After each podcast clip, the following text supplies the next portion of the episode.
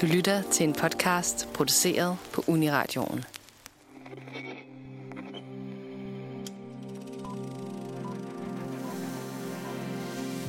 I feel the need. The need for et portrætprogram om en af verdens største filmstjerner de sidste 40 år, som er biograf aktuel med en længe ventet efterfølger til en kæmpe 80'er action-klassiker, og som bliver ved med at sætte livet på spil i kampen for actionrealisme og speed. På trods af hans tvivlsomme livsstil har Tom Cruise været god for nogle af de mest ikoniske øjeblikke på film, fra drama til komedie til action. Vi er på cruise-kontrol i Uniradion i dag. Velkommen til Filmmagasinet Nosferatu.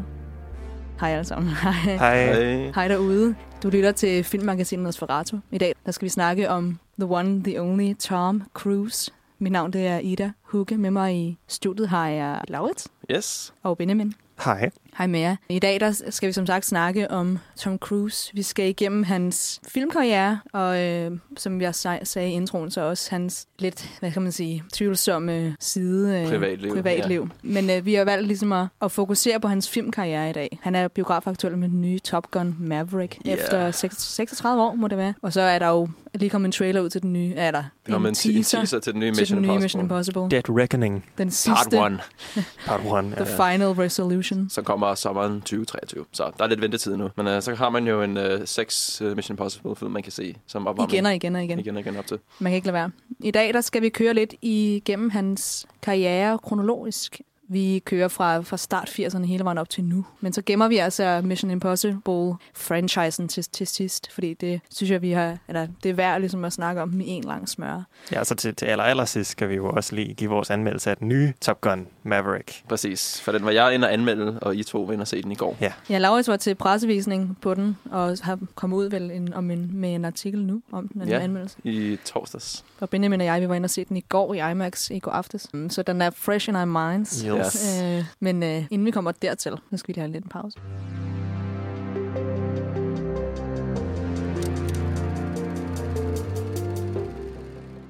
Du lytter til Filmmagasinet Sorato. Mit navn er Ida, og jeg har Laurits og Benjamin med i, i studiet. Og i dag der skal vi som sagt snakke om Tom Cruise. Lige for at, at lande ned i, hvem han egentlig er. Ham Ja. her, Tom Cruise, den her enigmatiske øh, karakter i, Ja. i Hollywoods verdenen. Thomas Cruise Mapother? Mapother blev vi enige om. Den fjerde. Ja, Så, Map, Mapother, Mapother. Ja. Han er født den 3. juli 1962. så han har jo snart fødselsdag. Om en måned Mm. tog til, hvor da han var 18, så var han, fik han lov til af sine forældre til at, at tage afsted og blive skuespiller. Han tog til New York for at følge efter den her skuespildrøm, han havde haft hele sit liv. Så arbejdede han som sådan en bossboy, altså sådan en... Altså valet, sådan, der tager mod øh, biler og sådan Ja, noget. præcis. Ja. Og øh, i New York. Og så tog han så til LA bagefter, fordi der, der skete ikke rigtig så meget i New York, når det kom sådan filmmæssigt. Og det er så her, han fik en skuespilkontrakt med CAA, altså Creative Artist Agency på det tidspunkt. Og så fik han en, sådan en lille hurtig rolle, sådan en bit part hedder det, som bare er sådan en, du ved, du siger en linje eller to, i den der film, der hedder Endless Love, den store film fra 81. Og så meget, meget kort tid efter, så spillede han en af de store sådan biroller i, i Tabs, som var faktisk en ret stor film, som jeg ikke tænker så mange kender, men der spillede han en, der hed Billy. Og lige et par år efter, i 83, der blev han en del af sådan et ensemble cast i The Outsiders. Og så var der så en, der fik øjnene op på ham, fordi så fik han altså en rolle samme år Ja, i Risky Business. Og jeg tænker, det er her, vi lige tager en pause Ja, i hans præcis. kronologi, og tænker, øhm, hvad, hvordan er jeres forhold til Risky Business, Laurits? Er det, er det en af de første Tom Cruise-film, du har set? det, ah, det, det er svært en af de der, hvor man har kendt til. Altså, hvis man ser coveret på det, og man ser Tom Cruise med solbriller på og sådan noget, så ved han man, hvad der det er. slider hen over trægulvet. Men for, hvis jeg skal være helt ærlig, så så jeg den faktisk for første gang for to måneder siden, eller sådan noget, tror jeg. Ja. Uh, jeg havde en lille, uh, ikke i forhold til, at vi ville lave det her program, men jeg havde bare sådan en Tom Cruise run, i forhold til, at jeg bare så Cocktail og Risky Business. ja. Det er rigtigt nok. Så ej, det vil jeg sige, det er sådan en, jeg, jeg, jeg har en idé om, at sådan, jeg ved i hvert fald sådan, Cocktail, en fin film, og den kom jo også kun lige sådan få år efter Risky Business. Hmm. Og da så satte man ned så Risky Business, tænkte jeg, det bliver nok lidt mere det samme. Men jeg blev faktisk overrasket over, hvor god Risky Business er. Den er faktisk meget voksen på en eller anden måde.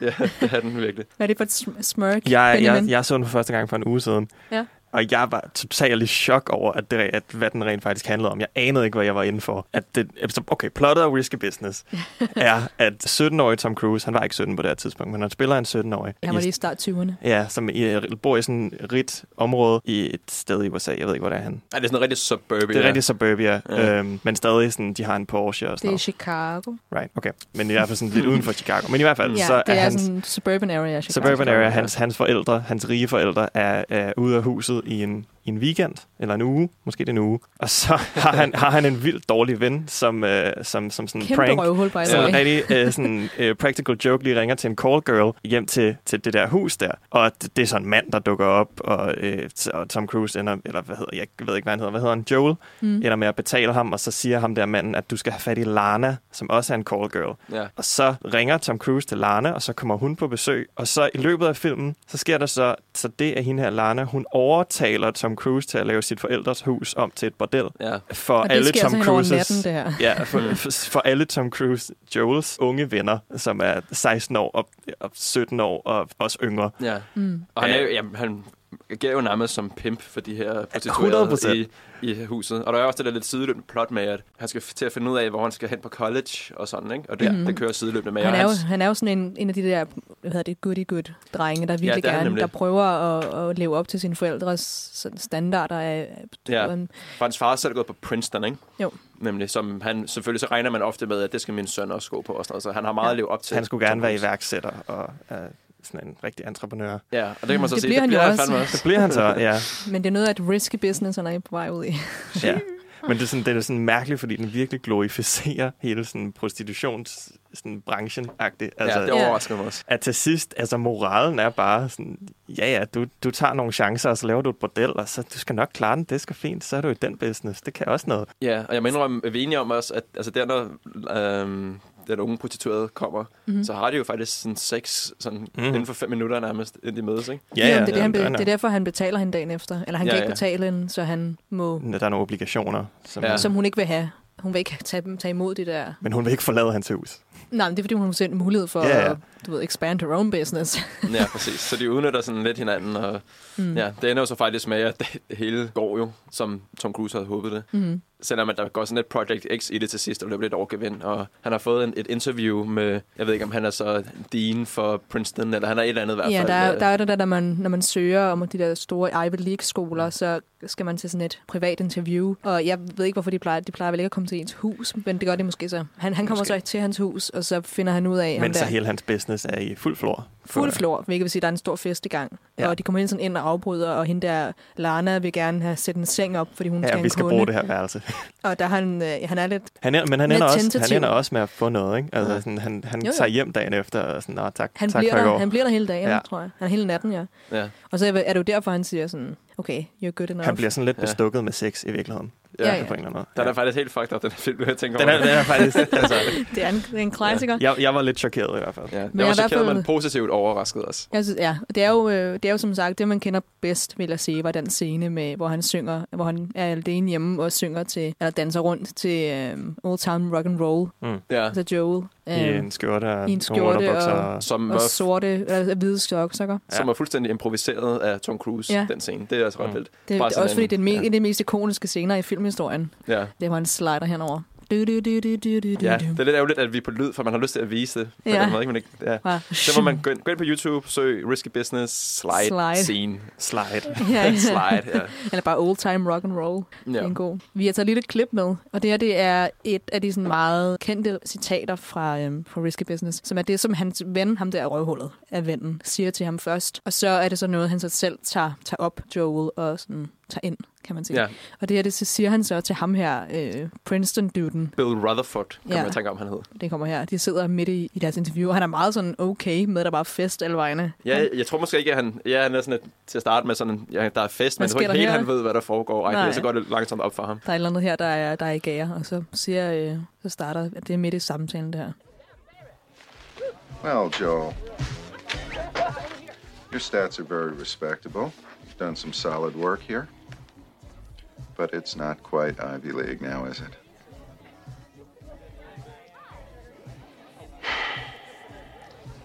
You know, Bill, there's one thing I've learned In all my years, sometimes you gotta say, what the fuck? Make your move. I beg your pardon? I beg your pardon. Og det er så også her, vi har den ikoniske... Det er jo en, altså en gif-meme nu, ikke? Med Ja. Tom Cruise, der tager solbrænderne på. Og åbner munden i meget, meget øh, underligt grin. Ja. Øh, s- ja. Og så siger han siger, well, I guess it's University of Illinois. Ja. Han siger, jeg kommer ikke sgu ind på Princeton. Nej, ikke Det gør han her. så. Det, gør han jo så til Ja. sidst, kan man sige. Efter han fik Øh, noget på den dumme Ja, billede der. både, ja, så det er, ja. Jeg synes faktisk, at den er, den er sgu meget sjov. Ja. Det er en, øh, den er instrueret af Paul Brickman, så det er hans debut, Film. For, instruktørdebut. Ja. Og så er det jo også, og så fik han Tom Cruise ind over. Det er da sjovt, fordi når man ser filmen, så plejer det jo at være sådan, at de store skuespillere kommer op som de første navne, og så kommer, du ved, titlen. Og her der kommer Tom Cruise op med det samme. ja.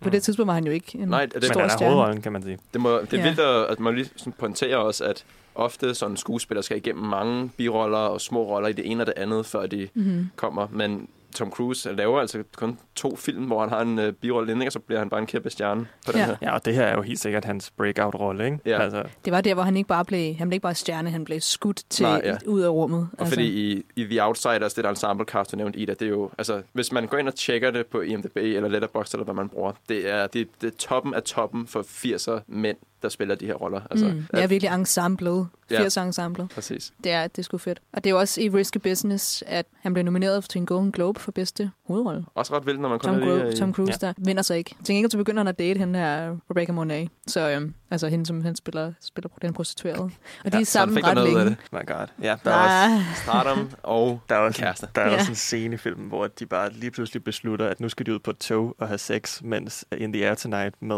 uh, Phil Collins spiller. så godt. Ja. Men det er også det. Og der sidder en, en hjemløs mand, der ikke helt Ja. ja. vil hoppe Ja. toget. Det er så mærkeligt. Men der, men der tænker jeg Det er sådan, sådan okay, det, er den bedste, det er den bedste måde at gøre det på, fordi at hun er sådan, nej, han, han, der er sådan en voice-over, han kører hen over filmen, hvor at Joel så siger sådan, well, she wanted to have sex, on a, she's always wanted to have sex on a real train, Mm. so I, yeah, I couldn't, what, yeah, I couldn't say no, eller sådan et eller andet. Det er bare super random. Og så sidder de så og venter på, at folk går ud af toget, og så er der sådan en hjemløs, der bare sidder og kigger på dem, og så kan de jo ikke have sex, fordi han står og stiger på dem. Så, de er sådan, så er der sådan et klip, hvor de stopper, hvor toget stopper, og så hjælper de ham ud, sætter Sætter ham ham på bænken, og så går ind igen, og så kan man så se, at de går, går i Down gang. Ikke? Og sådan, hvor er de på vej hen? Det er jo lige meget, de det er bare på toget. ja, okay. Det er, det er metroringen i København. De bare kører De kører til, til, jeg tror bare, de kører til endestationen. Ja, i Bogstaveligt talt. bumlende, bumlende tog.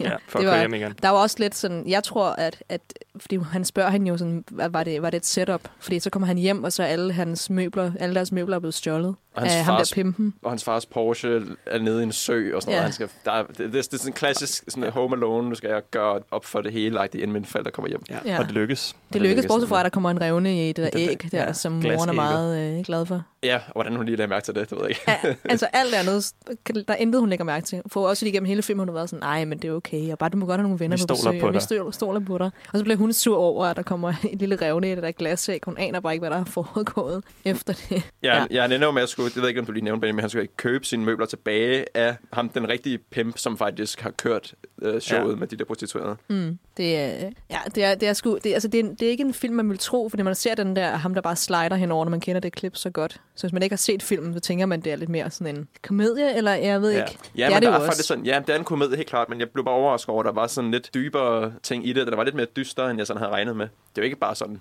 all fun and games, fordi ham, pimpen her, billedet af Joe Pantoliano, som man kender fra Matrix og Memento, og sådan, Mhm. mm-hmm. er sådan rimelig barsk, og tror ham jo på livet, ikke? Og sådan. Jo, men det, det, det er en ret sp- spændende film, synes jeg alligevel. Det er der mange sådan... Ja, det, man, kan, man kan analysere den på mange måder, synes jeg. Jeg synes, den er ret... Jeg var ret fan af den, men jeg kan godt lide den der 80'er æstetik. Jeg kan Mm. godt lide den. Jeg var 10. Ja, det er så fedt. Bare fed musik, og... ja, ja. Hvad var dit eget forhold til det? Det er også en, du så for nylig, Jeg- ligesom Benjamin og jeg, eller har du Jeg set så den den, jeg år var ret ung, men det, ja, jeg, jeg, jeg, ved ikke, det er mange år siden, jeg har set den. Jeg så den også for nylig, men jeg, første gang, jeg så den, var for mange år siden. Mm. Jeg, kan, ikke- jeg kan ikke rigtig huske så meget. Jeg synes bare, at hun var pæn, og han var pæn, og det, jeg synes, det var sjovt, at han slidede henover. Jeg var meget ung, da jeg så den, tror jeg. Den starter jo også øh, den fascination, han har med solbriller, Ja, Ja, det er Øhm, det er virkelig. så, som er virkelig et tema i hans filmkarriere. Altså alle, ja. Og den eneste scene, hvor jeg tænker, sådan, at han, han burde have solbriller på, det er der, hvor han slider hen over gulvet, men der har det ikke nogen Nej, solbriller men det, på. jeg tror, det handler om, at det er hver eneste gang, han han virker sej, og han virkelig føler, at han har styr på det. Mhm. Mm-hmm. Altså for eksempel, når han er ude og skal sælge de her prostituerede til sine venner, Ja. så har han solbrillerne på. Og blæseren. og blæseren og, og cigaretten mm. I munden. Og mens han snakker med ham der, Princeton-gutten, Ja. øh, så er det også der, hvor han yeah. siger det der, sometimes you just gotta say what the fuck, der tager han solbrillerne på. ja, ja. Så det jeg tror bare, Ja. det er virkelig sådan Det et er ligesom- symbol på, at nu er han, nu er han cool. Ja, det er sådan lidt Caruso i CSI Miami. Ej, det er, hvis man er kender så den gode godt. gamle. Ja, ja. Ja. Og, det, og filmen Risky Business slutter jo også med, at han, at det sidste skud, som jeg husker, er, at han så solbriller på, tager en, Ja. ja, han tager en Til- cigaret i yes. læberne, og så zoomer kameraet ind i hans brille. Ja. Ja, Det var sådan, ja. Er det ikke også det første shot egentlig, jeg tror, eller hvad? Husker jeg forkert? Er det ikke det kan sådan godt passe. Den kører sådan en Ellers cirkel. klipper vi det her ud af podcasten, hvis det ikke er det. Jeg tror, jeg, øhm, jeg, kan- nu kan jeg simpelthen ikke huske, hvad den, det første klip er. Nej, man hører en, en voiceover af ham, der siger, Ja. if I only knew what was gonna happen. Og Ja. sådan noget. Det er Risky Business. Der, Risky der, Business. der, kø, der kører den sgu af, af sted. Ja, og så i 1985, lige to år efter, der øhm, er han med i Legend, som er instrueret af Ridley Scott, som er sådan en meget stor eventyrfilm. Men der er ikke så mange, der kender den. Jeg har set den. Jeg har Ja. aldrig hørt om Ja, den. det er en, jeg har faktisk har måttet se i to omgange. Jeg så den første gang en aften, hvor jeg simpelthen faldt i søvn halvvejs igennem. Okay. Og så så jeg den igen, øh, så gik det nogle måneder, og så så jeg den igen igennem. Der er den der kendte, hvad hedder han, Tim Curry, der spiller den der Mhm. mm-hmm. dæmon djævel. Og så ja, Tom Cruise spiller Jack, som er sådan en Ung fyr. ung fyr. Øh, eller noget. og så er der sådan en scene, hvor han kravler op og ser en... Øh, han, han sidder på sådan en sten, og så ser han sådan en øh, enhjørning. Det er ja. et meget kendt Ja, klip. den er, den, den er sindssygt flot. Det er en virkelig, sindssygt flot ja. ja. film, men ja, det var, det var nok min sådan lidt mindre... Ja, det var ikke sådan en, jeg sådan, har taget med mig og tænkt sådan noget. Det er bare den bedste Tom Cruise-film, jeg har set. Overhovedet ikke, men jeg tror, at det var den, der ligesom der satte ham ind i de, i de store drenge, kan man sige. Ja. Satte ham ved bordet. Mere, Ja. mere end Risky Business var, tror jeg, fordi han fik lov til at lege med, med Ridley Scott og alt det der. Og, og den film han blev vandt en hel masse Oscar for sådan noget Best Makeup og Best Cinematography og sådan noget. Ja, Ja, og han er jo også en skuespiller, design. der har arbejdet med mange af de store instruktører. virkelig. Mm-hmm. Altså virkelig. Ja, det startede virkelig godt. Ja. Vi er jo allerede kommet til, uh, til The One and Only, fordi i 1986, der kommer Top Gun, som jo er, jeg vil, jeg vil sige, hans største film. Det er nok den, hvis man tænker Tom Cruise, Top Gun. Ja. Sådan vil jeg have det i hvert fald. Hvor nogen måske også vil sige Mission Impossible. Ja, jeg tror mere, jeg associerer ham med Mission Impossible, men det er også fordi, jeg virkelig ikke kan lide Top Gun. men det er jo, Så er det godt, det har Ida og jeg, der elsker Top Gun. ja. Der kommer, der kommer fight ind i studiet. ja. Vi skal snakke om Top Gun lige om lidt.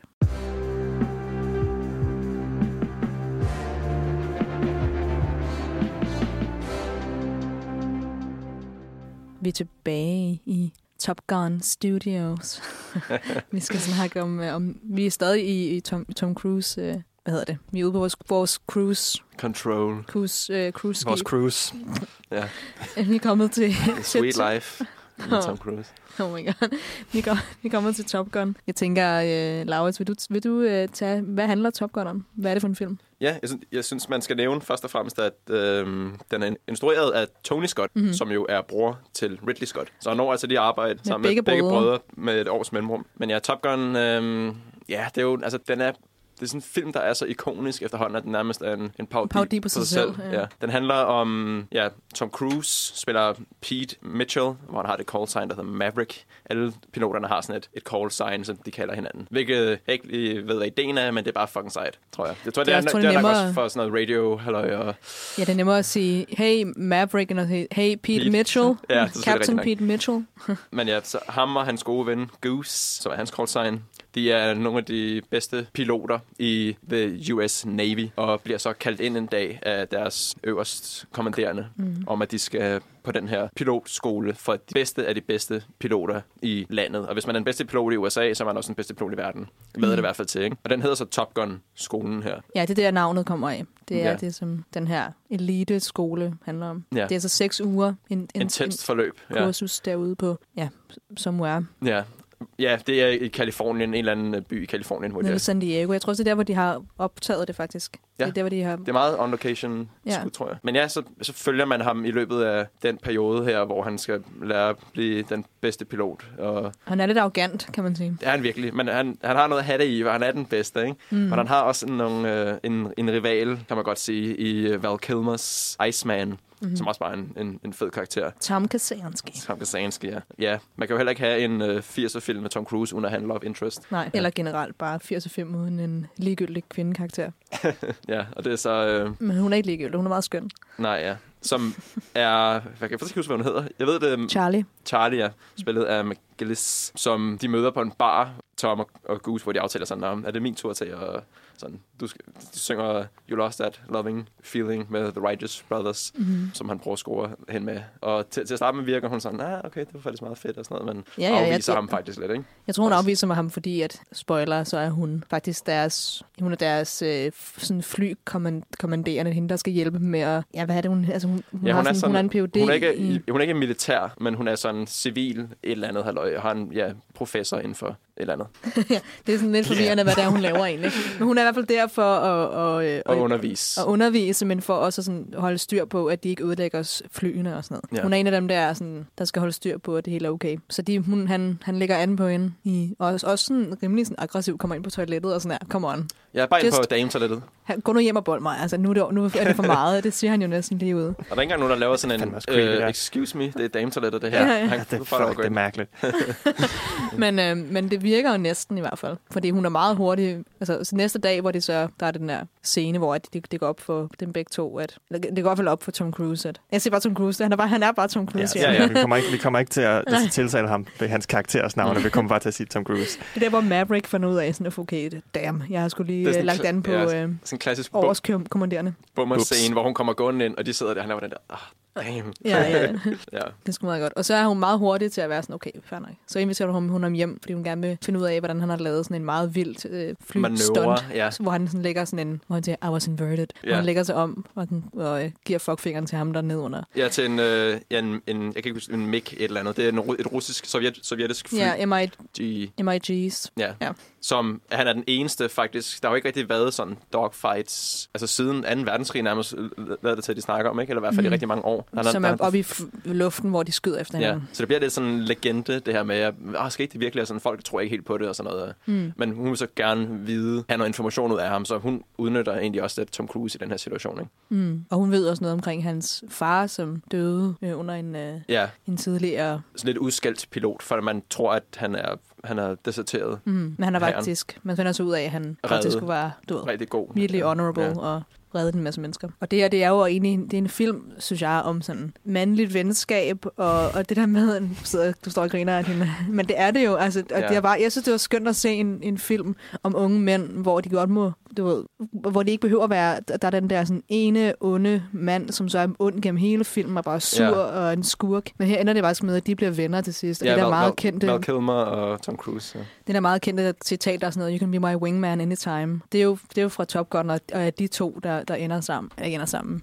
desværre, men ikke på den måde. Men de, de har den sidste Ja. kram, og det der meget kendte billede, hvor de smiler til hinanden. Ja. Og siger, you can be my wingman. Kender I den der vine? Den der uh, two bros chilling in a hot tub, five feet apart, they're I'm not not gay. gay. Yes. Det, det, er Tom. Det er sådan, det er Top Gun, føler jeg. Det er, sådan, det er virkelig bare dudes being bros. Det er, det er egentlig meget, sådan, meget homoerotisk 80'er film. Så ja, det, jeg tror, den... Der er rigtig meget sved, ikke? Men, men jeg, jeg synes virkelig, at altså, Top Gun er grund til, at, at nu sagde jeg lige, at det er ikke er min yndlingsfilm. Altså, jeg, at, jeg kan bare huske første gang, jeg så den, jeg bare tænkte, åh, oh, det her det er bare sådan et virkelig testosteronfyldt sådan to the max, som jeg ikke rigtig sådan, okay, nu spiller vi volleyball uden trøjer på. Okay, fair nok. Det har ikke noget med noget at gøre, men nu gør vi det. uh, Som alle andre scener i alle andre film, hvor de spiller volleyball. Det har aldrig noget med plottet at gøre. Ja, det er men kun fordi folk lækre ikke ud, når de spiller Ja, volleyball. det er, virkelig, det er virkelig det. Den eneste grund til, det er der. Men det er altså ikke kun på grund af Top Gun, så er det i alle film. Ja, men det er Ja, ja. bare... Men generelt, sådan, det er bare sådan, ej, hvor er de, hvor er de seje. Se jo Tom Cruise, der bare tager sine solbriller af og på og af og på, fordi mm. At det skal se så sejt ud. uh, jeg kan slet ikke, jeg kan bare slet ikke have det. Jeg kan fornemme, at du ikke er kæmpe fan. Nej, og så, og så fucking, den har, jo- den har jo virkelig godt soundtrack, Top Gun. Altså, øh, Du, du, du, du, du, du, Ja, men, men den spiller, spiller også det soundtrack sådan rigtig meget. Spiller meget de samme sange. Mm. Spiller måske Take My Breath Away fire gange Ja. på 20 minutter. Det er som om, de har fået lov at købe to sange, Ja, og så skal de bare bruges. ja. Altså, jeg var faktisk meget glad for, ikonisk, at, men- at, det ikke var sådan noget, et, et, at det ikke var sådan en jukebox soundtrack, hvor de bare kørte alle mulige random sange. det er en jukebox, der er på loop. ja, men uh, take, take My Breath Away er jo, sådan, er jo, kan man sige, sådan, det romantiske soundtrack. Ja, Øh, Ja. hvor uh, Kenny Loggins Danger Zone, det er sådan, ja, yeah, nu skal vi Ja. spare røv. Ej, det- Og Danger Zone spiller kun én gang i starten af filmen. Ja.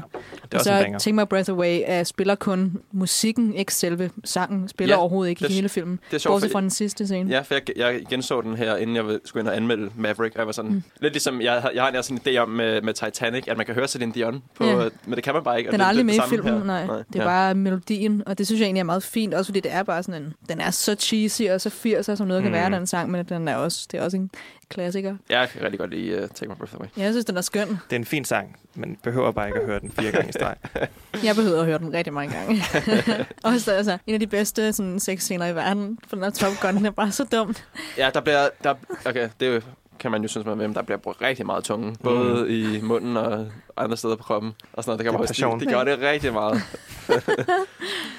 det, er ikke, det, er ikke, det er ikke et filmkøs. Det ligner det virkelig, de går til den. Ja, det kan også godt være. Han har jo, han har jo en ting med at date hans co-stars, så det kan godt være, Ja, at det var igen. Eller det, det, en lille kort periode. Og nu, nu snakker vi om, at det der med at risky business sætter gang i det der med, at han hele tiden har solbriller på, som også er en kæmpe ting i Top Gun, som som Mhm. sagt ryger af på konstant. Fede Aviators. Fede aviators. Øh, og Mhm. Top Gun sætter gang i hele den der Tom Cruise-ting med, at han altid skal være på en motorcykel. Ja. Det er sådan en ting, der går igen i hele hans karriere. Jeg tror, det er en del af hans kontrakt. Altså, sådan, jeg skal være på en motorcykel ja. i alle film, jeg er med i.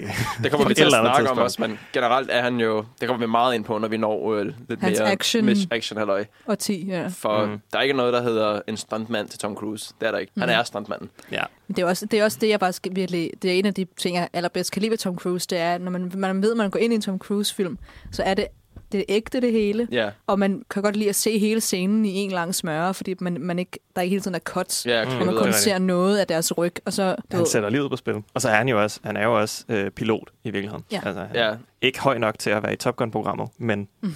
Han er pilot. ja. Han er, men det er også det, altså, jeg synes, det er en, øh, jeg var ret imponeret faktisk. Jeg så Top Gun igen forleden, bare lige inden vi skulle lave det her program, og der, der havde jeg ikke set den i mange år, og der var, var jeg også ret imponeret over, hvor flotte de der flyvescener er fra 80'erne alligevel. Ja, Altså, ja, for det er jo også, altså, der er ikke CGI. Det er jetfly, man ser Mhm. flyve, ikke? Og sådan, hvor Der- man så kunne formode, at de har rigtige øh, jægerpiloter til at, Og det har de. Der, var, der er sådan en meget kendt scene, hvor, de skal, hvor man ser dem, man ser den store, det store jægerfly skal sådan dreje ned, og så kaster han sådan en lille sådan dog tag ud i vandet. Ja, Ja, det, det er sådan en lyd, der drejer. Man kan høre jetten. Og der, det var øhm, instruktøren, der var sådan... Tony Scott, ja. Ja, Tony Scott, der var sådan, jamen, han brugte, jeg tror, 50.000 dollars eller sådan noget, bare for den ene, ja. At få det, det fly til bare at dreje sig om. Ja, ja det der, der er genialt, det er jo, at den er jo sådan med rigtig meget overmættede farver og sådan noget, men den er Mhm. mm. virkelig pæn også med det, for der er altid sådan en flot solnedgang eller et eller andet. Mm. Og det var noget med, ja, at, at det her hangarskib havde ændret kurs, men så ødelagde det hans skud, så han betalte jeg ham her, kaptajnen, ved du, hvis uh,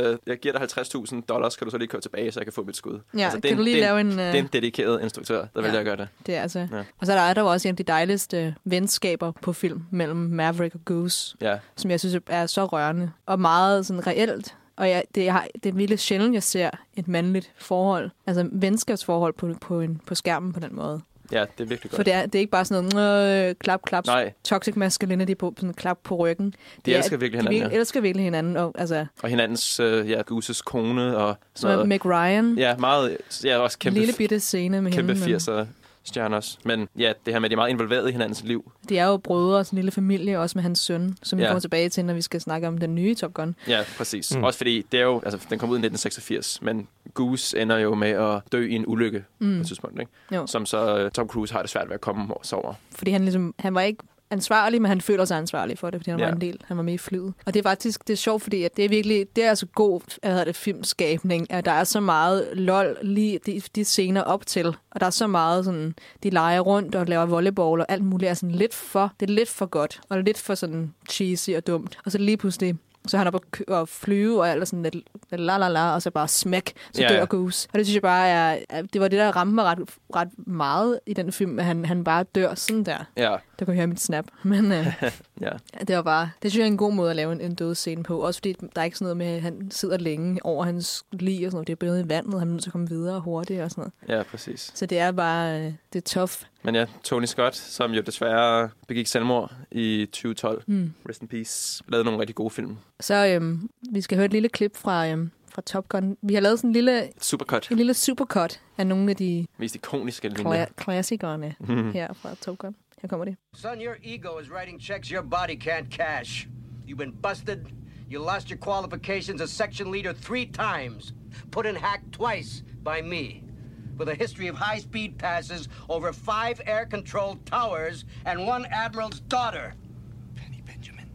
Below the hard deck does not count. Hard deck my ass. We nailed that son of a bitch. You guys really are cowboys. What's your problem, Kazansky? You're everyone's problem. That's because every time you go up in the air, you're unsafe. I don't like you because you're dangerous. That's right. Nice. man. I am dangerous. Talk to me, Goose. in there, for Christ's sake! Ice is in trouble. Talk He's got no cover. Get in there, Maverick. He won't last. You are still dangerous. You can be my wingman anytime. Bullshit. You can be mine. Yes! Yes. Det er så skide godt. Ikke Benjamin? Det er skide, det er pissegodt. Ej, men det er jo, ik- det er jo ikonisk, jo. Altså, Ja, ja, det, det det er kan det. ikke komme ud af. Det er også det, der er sjovt ved... Altså, det jeg faktisk altid sådan, glemmer lidt ved Tom Cruise, det er, at han har nogle af de bedste filmreplikker i filmhistorien. Han har, Som man bare husker. som, man, som man kender så godt. Og det der I am dangerous og sådan noget, Mm. det sommer ham meget op som person også, i hvert fald her i hans senere karriere med alle de actionfilm, han har lavet og sådan noget, ikke? Fordi Mm. det er fandme noget farligt, øh, halløj, han er ude i og sådan noget. Ja, Og risikerer sit liv for at få de her. Han må virkelig være en adrenalin-junkie. Det tror jeg også, ja. Ja, Ham det har, har han også sagt i flere interviews, og de spørger ham om sådan, er du, er du bange, når du er deroppe? Altså, er du, der var det der meget, det kommer til Mission Impossible, men der er en meget kendt scene, hvor han hænger på den ydersiden af et fly, som jo er, er, er rigtigt, at det gør Ja. han i virkeligheden. Så spørger de sådan, altså, Ja, blandt andet. Altså. Blandt andet. Det var altså en af, en af de store ting, han Ja. gør. Hvor han siger, nej, altså, nogle gange så kommer der det der adrenalin, men nej, jeg er aldrig bange. Så der må være et eller andet, der er galt med ham. Der må være en Ja. ting, der er skørt. Vi, vi skal holde en lille pause. Efter den skal vi snakke om Rain Man. Vi går lidt videre. En ting, jeg lige vil nævne her, det er jo, at noget af det største ved Tom, noget af det, man kender allerbedst ved Tom Cruise, det er jo hans underlige sidegig i Scientology. Og øh, det kan man rigtig komme udenom, når man nævner Tom Cruise. Og det er faktisk her i 86-87, øh, hvor han møder øh, Mimi Rogers, som er sådan en skuespillerinde, lige på samme tid, hvor han filmer øh, Top Gun. Og det er hende, som introducerer ham til, til Scientology. Og de bliver så gift i 87. Det kan du tænke over her, når vi skal snakke om Rain Man. Der er han altså stadig gift med, med Mimi.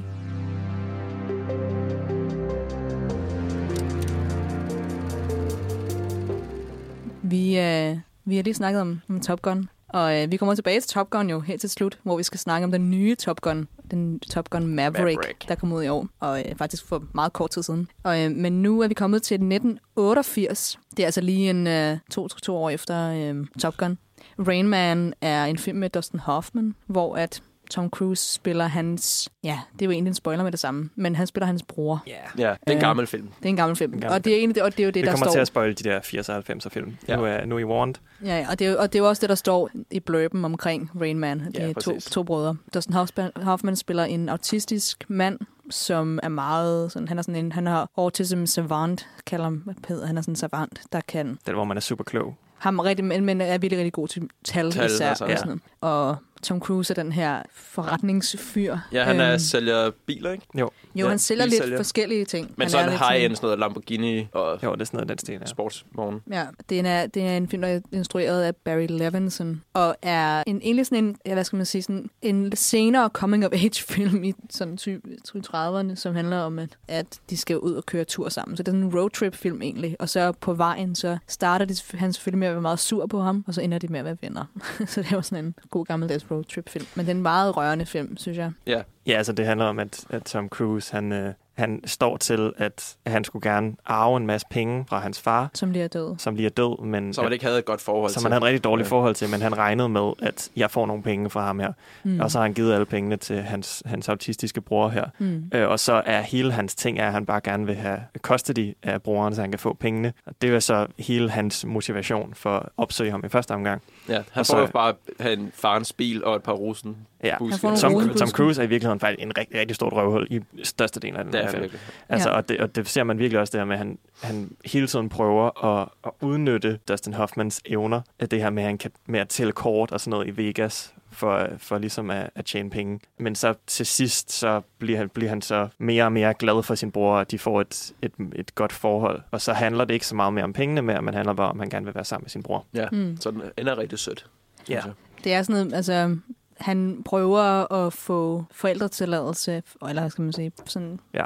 øh, værge. blive værge over Ja. for ham her, øh, Dustin Hoffman, øh, Raymond, Raymond. Raymond. Øhm, som er det, den hedder Rain Man. Det kan vi komme tilbage til lidt med. Så til allersidst, så bliver han så tilbudt, kan du ikke bare få 250.000, og så bare gå? Og det vil han så ikke. Han, de ender med at være venner, og så kommer han så og besøger ham hvert anden uge øh, resten af hans liv. Så det er sådan en meget fin film, hvor han er sådan, siger, jeg vil ikke, altså først var du min, først var du bare en, der var f- i familie med mig, men nu er du blevet min bror. Ja. Og jeg synes faktisk, at Dustin Hoffman, som vandt en Oscar for den her film, Den vandt også Best Picture, gjorde den ikke? jo, Jo. Bedste, og be- be- bedste originale manuskript, og den vandt bedste film, og bedste instruktør, mm. og bedste skuespiller Mm. øh, med Dustin Hoffman. Sweep. Og det jo første gang, Tom Cruise også spiller over for sådan en, der i forvejen, han er jo en kæmpe etableret stjerne, Dustin Hoffman i forvejen, ikke? har lavet mm. Film op gennem 70'erne også, ikke? Øh, ja, Midnight Cowboy og Straw Dog. Ja, han var også stor på det tidspunkt, og det blev den mest indtjente film i det år. Så Okay. det var en virkelig stor, øh,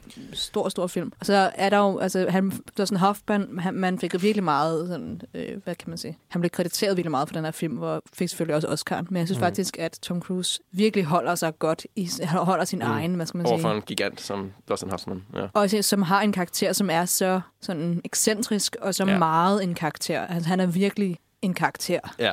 som man holder øjnene på. Men jeg, havde jo, jeg, jeg tog mig lidt til at lige sådan kigge over på, hvad Tom Cruise laver, fordi han har bare et eller andet i sig. Han er jo, altså, han er virkelig, synes jeg, en filmstjerne, som, Ja. fordi han bare, der er et eller andet i hans øjne. ja. Han har meget god sådan til, sådan, til at reagere. Ja. Og sådan, han bruger meget sin krop, når han skues, øh, laver skuespil. Mm. Mm. Og det, det, synes jeg fungerer rigtig godt. Øh, især når man også skal spille over for store skuespillere. Også fordi i den her film skal han jo være sådan, han skal ikke være sådan kedelig, men han skal være lidt den sådan straight guy, Ja, du nu ved, gør sådan- vi det her og det her og ja, det her. Ja. Ja. Og han er den der, som guider ham igennem, øh, Dustin Hoffman igennem verdenen på en måde. Så han, han er egentlig vores øjne på en måde, ikke ind til det her, den her unge fyr, han er ung mand. Øhm, Ja, og bliver også frustreret over ham, og, altså, Ja. øh, og det, er ikke, det er ikke altid lige nemt. Men, men der er også nogle rigtig sådan cute moments, for eksempel hvor han skal lære ham at danse og sådan nogle ting, som er. Mm. som er rigtig sødt. Og så lige efter, at de har danset, så går Tom Cruise ind, eller så går øh, Charlie Babbitt ind og øhm, prøver at, at give ham et kram, og så bliver han rigtig bange. Og det er bare det er et vildt rørende øjeblik, fordi han glemmer, at, at jeg kan ikke bare røre ved dig. Jeg Nej. kan ikke bare, fordi han, at han bliver så bange for det. Så han siger han, går han sådan, jeg vil bare give dig en kram, jeg vil bare gerne give dig et kram. Ja. Ja. Og før det har han jo været meget sådan anti. Han, er bare, han vil bare gerne væk fra ham her, Dustin Hoffmans karakter. Vi har taget et lille klip med, som var det, som jeg hintede til før, da jeg sagde Raymond Rainman. Fordi der i hele starten af filmen, så nævner øh, Tom Cruises karakter, Charlie Babbitt, at han havde sådan en, en fantasiven, da han var barn, der hed Rainman, som var ham, han, han snakkede meget med, og havde sådan en, ja, var venner med, fordi hans far ikke var der, og hans mor var død. Og der finder vi så ud af i den her scene, når Dustin Hoffman og Tom Cruise står ude på, eller Raymond og Charlie står ude på toilettet, og han siger Rainman, og så går det op for, for øh, Charlie, at sådan, oh, det er dig, der er. Det er dig, fordi han faktisk boede der, da han var barn. Og Raymond er hans storebror. Og Tom, Toms karakter var så ung, han ikke vidste, ja. at det faktisk var en rigtig karakter. Og det her det er et lille, lille sammenklip af, af den scene. Why'd you say funny teeth? She said funny teeth, funny Rain Man. Rain Man. Yeah. I said Rain Man? Yeah, funny Rain Man. Was I trying to say Raymond and it came out Rain Man? Yeah, funny Rain Man. You? You're the Rain Man? And you live with us? Yeah, 10961 Beechcrest Street, Cincinnati, Ohio. When, uh, when, when did, when did you leave? January 21st, 1965. You, you remember It's that? Thursday, very snowy out. 7.2 inches of snow that day. Yes, that's just after Mom died, New Yeah, Year's. yeah, Mom died January 5th, 1965. And you remember After- that day? You remember that day that you left? Short, short and sudden illness. You remember that day Yeah. that? Yeah. Was I there? Where was I? Where, You, you, where, you, where, were, you were in the window. You, you waved to me. Bye bye, Rain Man. Bye bye, Rain Man. Bye bye Rain Man. Bye bye. Virkelig fin scene. Og så går han så går Tom Cruise karakter hen for at tænde for badekarret. Og der får han så sådan et flip, øh, Raymond, fordi at der har været en, en, en eller anden ting, der var sket, da de var børn, hvor at, at han umiddelbart har lagt babyen, altså Toms karakter, ned i noget meget varmt vand, og han så er blevet tæsket for det, eller i hvert fald. Det ligger lidt i, i under linjerne. Ja. Det, man kan sige, den har jo også fået noget kritik for, hvordan den portrætterer autisme. Altså, Mm. det, er, det er også noget, som, hvor at man har, man har set, okay, den er måske ikke ældet med ynde på alle punkter, den film. Men, men man kan i hvert fald sige, at deres kemi og, og skuespilpræstationerne og, og hele tematikken er rigtig fint eksekveret. Ja, Mm. det synes jeg også. Jeg synes også, det har en, altså, det har en virkelig god, alligevel en god sådan underliggende tematik og omkring autisme. Jeg ved godt, den, det er en meget voldsom form for autisme, og de viser ligesom, at det virker som om, at alle autister er sådan, Mm. du ved, på yderdel af spektrummet, Ja. hvilket jo ikke er rigtigt. Men alligevel så er der jo sådan en, det, det, er ikke det, det handler ikke om, hvordan, om du kan opføre dig sådan og sådan i sociale interaktioner. Mm. Det handler om, hvordan du er som person. Jeg så, Ja. der var nogen, der skrev, at uh, den gjorde for autisme, hvad uh, Green Book gjorde for racisme. Oh. Det må man så tage, hvordan man vil. Oh my god. Okay, ja. Det var lidt en, uh, en arv. Uh, ja, det var Rain Man. Det var Rain Man. God film. Det er en rigtig god, Det en film, god film, det vil ja. jeg sige. Altså, jeg synes, den var rigtig rørende, og jeg sad faktisk med, med lidt tår i øjnene. Øhm, jeg så den her forleden igen. Og der, der var altså en lille, en lille tår ned at kende. Det kan jeg sgu ikke lade være. Vi bevæger os lidt op i tiden, fordi i 1990, der er han med i en film, der hedder Days of Thunder, som, øh, hvor han spiller en, der hedder Cole Trickle.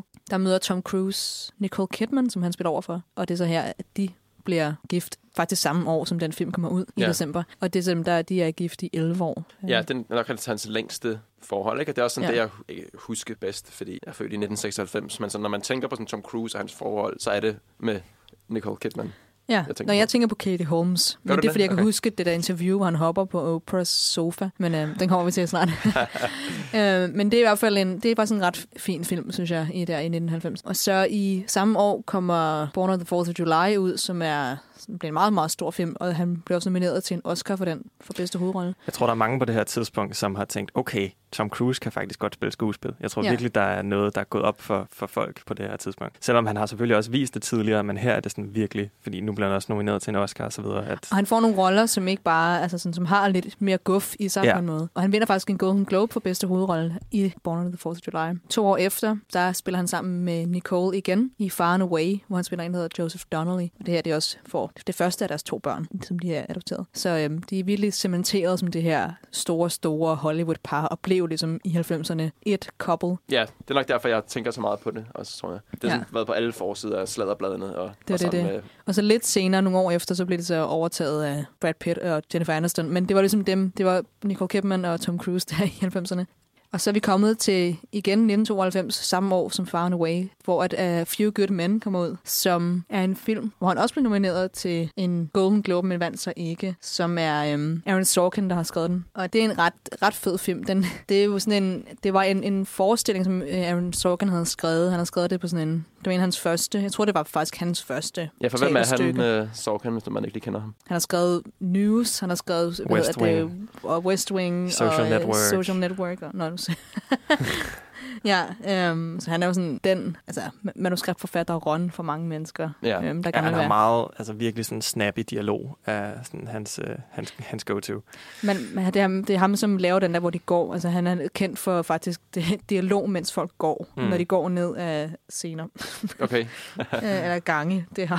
Men det er Rob Reiner, der har instrueret A Few Good Men, og der spiller han over for, øh, for Jack Nicholson og Demi Moore. Og Kevin Bacon er også med. Og Cuba Gooding Jr., ikke? Som, uh... Nej, det var det er Jerry Maguire. Nå, jeg får pokker. Ja. Um, Det klipper vi. så det er øhm, en, som Aaron Sorkin laver meget, sådan, det, sådan en øhm, legal drama. Det handler om sådan en, en sag for en, det er sådan lidt besværligt, synes jeg at forstå, men det, var, det, er, en, det er Jack Nicholsons karakter, som er sådan en højtstående officer, som har sagt ja til noget. Han har, han har sagt god for noget i en, en hemmelig mission, som så skulle op til krigsforretten. Og så finder man ud af en masse ting. Nu vil jeg ikke rigtig spoil den, men det er så, der er en masse ting, der kommer, der bobler op til overfladen. Og det, øh, vi, vi er, er har ikke så længe ved den, men øhm, jeg giver jer bare lige den her, som er den meget, meget, meget kendte øh, replik. Og der er mange, der, ved, der ikke ved, at det faktisk er herfra, men det er den her. Lieutenant Kendrick ordered the code red, didn't he? Because that's what you told Lieutenant Kendrick to do. Object! And when it went bad, you cut these guys loose! Your Honor, You had Marcus you inside in a phony transport. Your Honor! You doctored the logbook. Damn it, You Cappy! coerced the doctor. Consider yourself in you. contempt. Colonel Jessup, did you order the code red? You don't have to answer that question. I'll answer the question. You want answers? I think I'm entitled. You want answers? I want the truth! You can't handle the truth!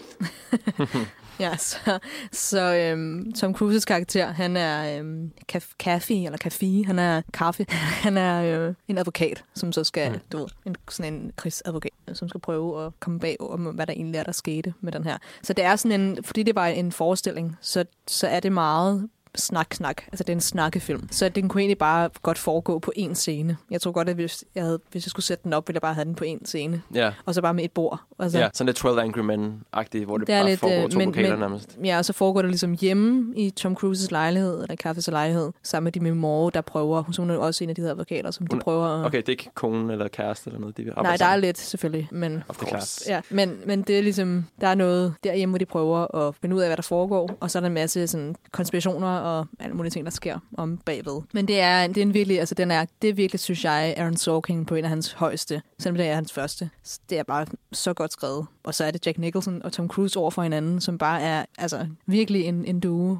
Vi er kommet op sådan lidt længere op i 90'erne, så vi bevæger os om mod Mission Impossible, den første. Mm-hmm. Men i 93, der laver han en film, der hedder The Firm, som også var ret kendt faktisk. Sådan en thriller. Ja. Ja. Og så i 1994 laver han Interview with a Vampire, hvor han er en af hovedrollerne, hvor han spiller over for Brad Pitt og Kirsten Dunst, som var meget, meget, meget, meget, meget, meget ung på det tidspunkt. Ja. Og det er den ja, underligste, it's very, very weird. Men han har åbenbart været meget, meget god mod hende, og har ligesom prøvet at hjælpe hende igennem den her underlige kærlighedsforhold, de skulle have, og har prøvet at lidt, ved, ja, Ja. være lidt storebror, fordi det var godt nok... Uh, let's move on. Anyways. Ja, og så i, uh, i 1996 kommer Jerry Maguire samme år som Mission Impossible. Så det er altså to Vidt forskellige film, han heavy laver. hitters på hver sin ende af Ja. ja. spektret, der kommer ud det år. 96, godt år. Altså, Ja, det er en klassiker. Det er også der, du blev født jo. Det er det, rigtigt.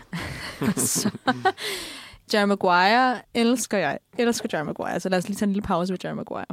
Og så kolder vi en pause, og så kører vi videre. Fordi at øhm, Jerry Maguire er...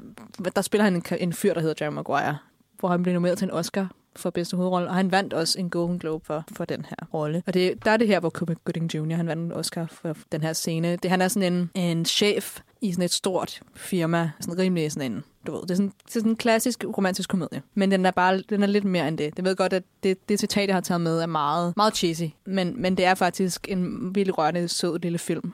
Den kan meget mere, end man lige tror. Det er virkelig godt skrevet. Det er en lang film, men det er en, det er en rigtig god film. Der er den her meget kendte scene, hvor at de sidder i hver sin telefon, Tom Cruise og Cuba Gooding Jr. og råber, you, uh, show me the money, show me the money. Det er sådan, Ja. ja, det, de skal prøve ligesom at, ja, Ja, for han er sportsagent, ikke?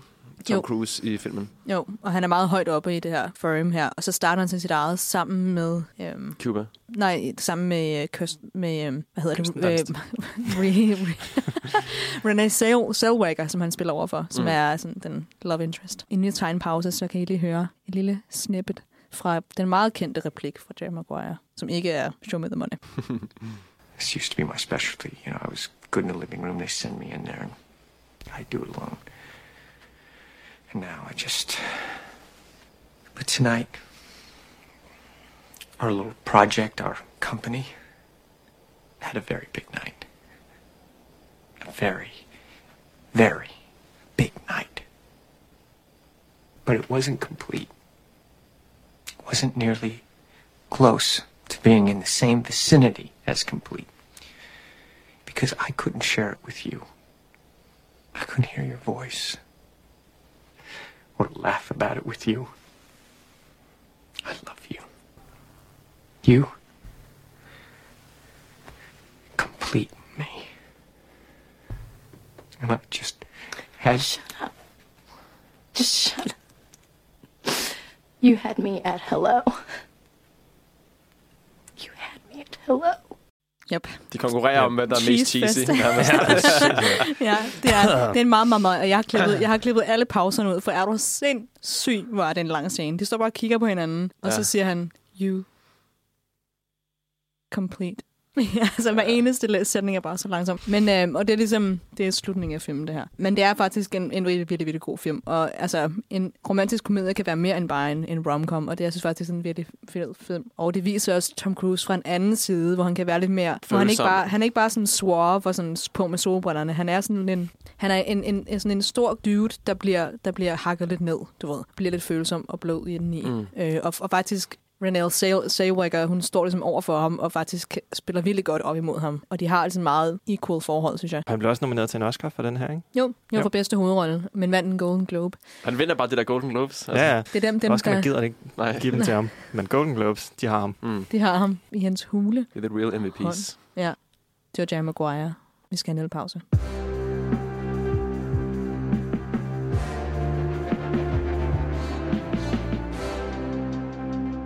Vi er kommet til, øh, til slutningen af 90'erne, til øh, 99 i Tom Cruise karriere, hvor at man kan sige, at det her år, der vælger han at give sig i kast med to store film, i hvert fald med to meget store instruktører, Helt klart. og også måske sådan lidt mere kunstnerisk stil, han, øh, han, han bevæger sig ud i. Den første er Stanley Kubricks Ice White Shot, og så Magnolia, som er Paul Thomas Anderson. Ice White Shot er den sidste Stanley Kubrick-film, og han, han dør lige efter, han får øh, afleveret Final Cut, der går der et par dage, hvor han, han falder om. Og Ice White Shot er, en, det, så vidt jeg ved, den længste sådan, produktionstid på nogen film nogensinde. Eller sådan 400 dage streg. 400 dage, hvor Det de bare har filmet, filmet. ja. Mm. Og det er, ikke engang, og det er jo ikke engang, det er en, øh, det er ikke engang en actionfilm eller noget. Det er, det er en historie om, om det her ægteskab mellem Tom Cruise og Nicole Kidman, som jo var sammen i virkeligheden, hvor der er en masse jalousi, som ligesom kommer op, blusser op i det her ægteskab. Hvor at Tom Cruise, han desperat gennem hele filmen, prøver at være øh, Nicole Kidman utro. Det lykkes ikke for ham på noget tidspunkt, fordi han bliver altid afbrudt af et eller andet. Men det leder ham så, så også ud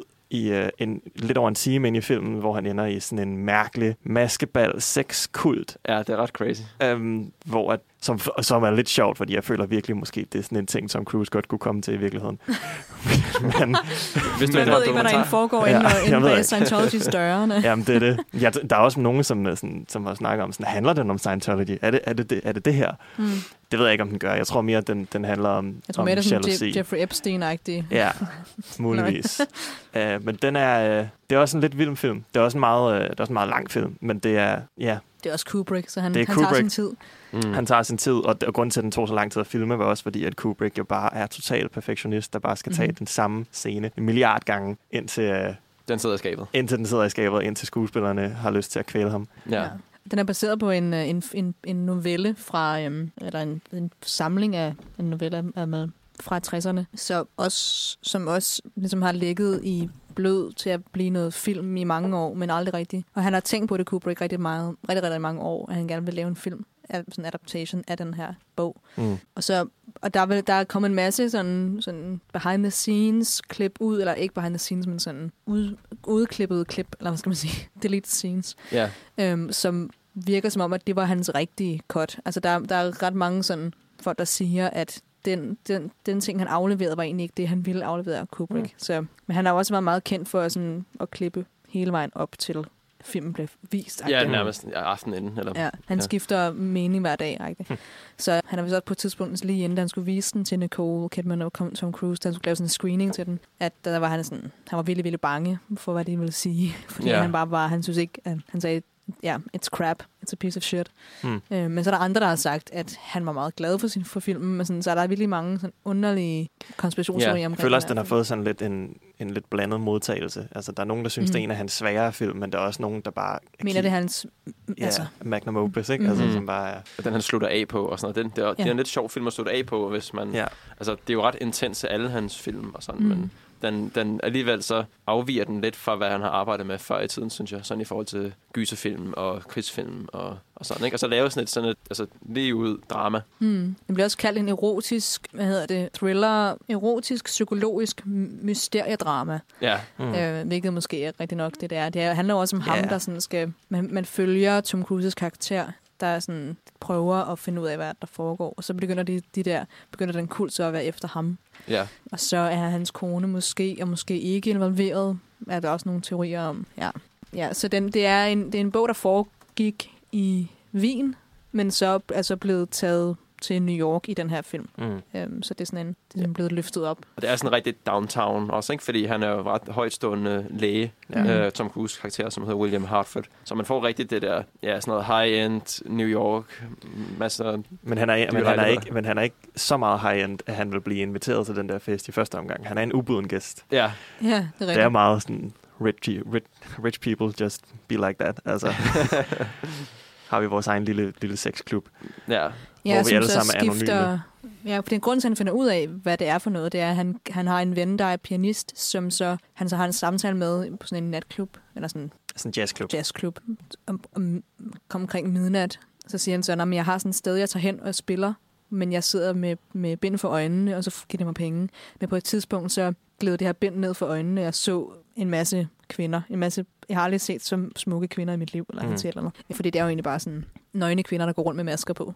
Øh, og så mænd i, i sorte kopper. Øh, kapper. Øh, Mm. Kupper. Hvad hedder det? Kapper. Kapper. Kapper. Under et ord. ja, kappi.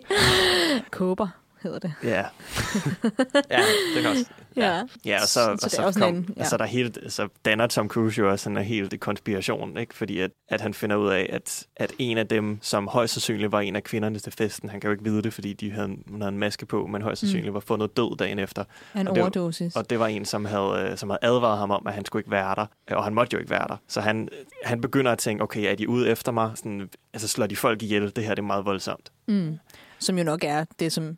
Og det, og det, bliver, og det bliver altså efterladt sådan lidt tvetydigt til sidst. Sådan, Mm. Det bliver både præsenteret som, nej, men det var bare et charade. Det handlede bare om, at, at for at holde dig væk, så lader vi bare lidt som om, at vi er syge i hovedet. Ja, det er der en af dem, der siger, Ja. som han er en ven, han har, som så han så finder ud af, var der.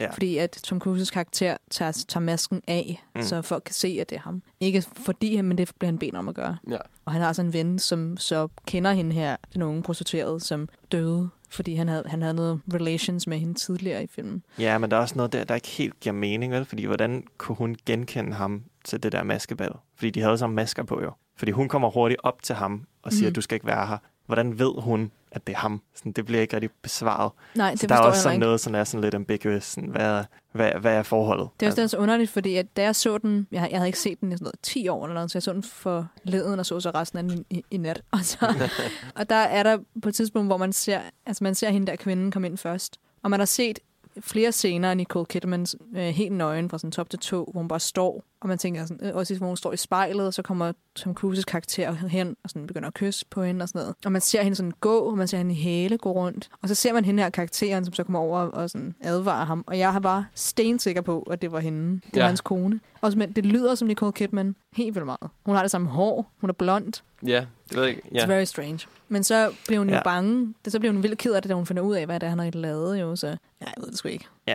Det, det er igen bare Kubrick. Der er, så mange, der er så mange teorier omkring den her film, og hvad der foregår. Og meget sådan omkring symbolikken og sådan noget. Man kan sige, og det er jo også sådan en, lidt en sjældenhed i forhold til Tom Cruises film. De er, plejer mm. måske at være lidt mere mainstream, og lidt mere sådan, det er nemt Lige til. at finde ud af Ja. lige til. Ikke? Mm. Altså, nemt at finde ud af, hvad der foregår, hvor den her er lidt mere, lidt mere sådan offentlig er, hvad, hvad det egentlig var, den handlede om, og hvad det egentlig var, der skete. Ja, den er, den er sgu weird. Og så, altså, også det, hvor han kommer hjem, og, han, og så ligger der en maske. Så ligger masken ved siden af konen i sengen. What's that about? Ja, for ja, hvis ikke hun er en del ja. af det, hvor kommer masken så fra, så kunne man jo anmode om, at nogen, der brudt ind i hans lejlighed. Eller Ja, eller ja, andet, sådan lidt eller- Godfather, mm, he- hestehoved i sengen-agtig advarsel. Ja. Ja, jeg ved det ikke.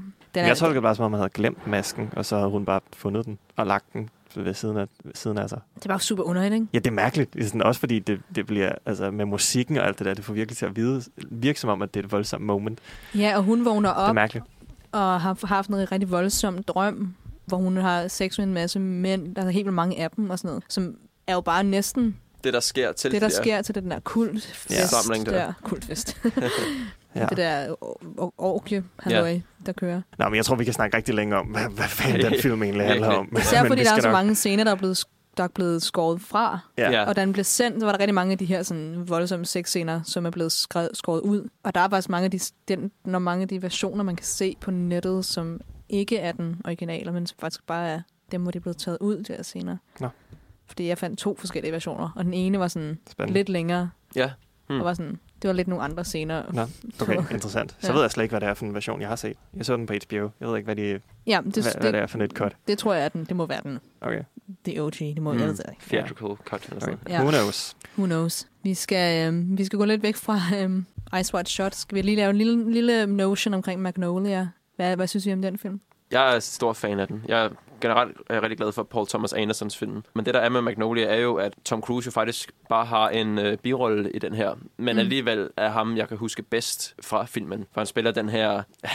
han er sådan... Ja, sådan sex guru, nærmest Frank T.J. Mackey hedder han, som holder sådan noget, nærmest nogle TED-talk om, hvordan man scorer damer. Og hvis man var i tvivl om, øh, Tom Cruise havde et funny bone, så skal man altså bare se Magnolia, for han er Mm. virkelig, virkelig sjov i de scener. Den er, det er så komisk. Og så blev han jo nomineret til en Oscar, og han vandt en Golden Globe. Så der er Igen. lidt den samme... er- med, der er et mønster. Ja, der er et Ja. mønster der. Det er Ja. ligesom, øh, ja, ligesom Jerry Maguire baggrunden. Ja. ja. Lidt sjovt uh, fact var også, at Paul Thomas Anderson var, var forbi sættet til Ice White Shot, omkring da han lavede Magnolia, og snakkede med Kubrick uh, om, om, hvordan han sådan bruger sit crew og sådan noget. Og Paul Thomas Anderson var klar til, når man har de der crews, hvor der bare altså 20, 100 mennesker om en nærmest, mm. så havde uh, Stanley Kubrick faktisk kun måske 5-10 mennesker altid, og det kunne Paul Thomas Anderson bare ikke forstå. Mm. Uh, så ja, det, er bare en, det, er en, det var bare sådan lidt sjovt fun fact med, hvordan man kan lave film på, ikke? I forhold til cruise og sådan noget. Ja. Om man behøver 100, eller man behøver 10 mennesker. Det, han, jeg tror også, at Kubrick sagde sådan, why do you need all those, eller what do you need all those people for, eller sådan noget. Ja. Det er også sådan, så ja. der er nogen grund til. Ja, vi, øh, vi bevæger os ud op i 10'erne, eller nullerne nu. Og jeg ved godt, at vi har, vi, vi har, styr, vi har noget, styret ja. uden om Mission Impossible. Vi skal nok nå ja. derhen lige om lidt. Men øh, der er altså lige, der er nogle film, der kommer ud i nullerne, som vi lige skal snakke om inden. Og det kommer lige, lige om lidt.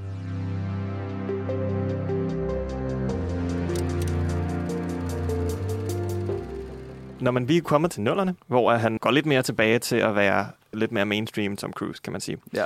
Han starter ud med at, selvfølgelig at lave Mission Impossible 2, kommer vi tilbage til. Så laver han uh, Vanilla Sky, mm. uh, og det er også her omkring, hvor at, uh, Nicole Kidman og Tom Cruise de bliver skilt, og han begynder at date Penelope Cruz. Og så laver han også den storslåede film, der hedder The Last Samurai i 2003, hvor han igen bliver uh, nomineret til en, til en Golden Globe. Men vinder den faktisk ikke den her gang? Nej, det, det gør han faktisk ikke. Det var, hvad fanden, Tom?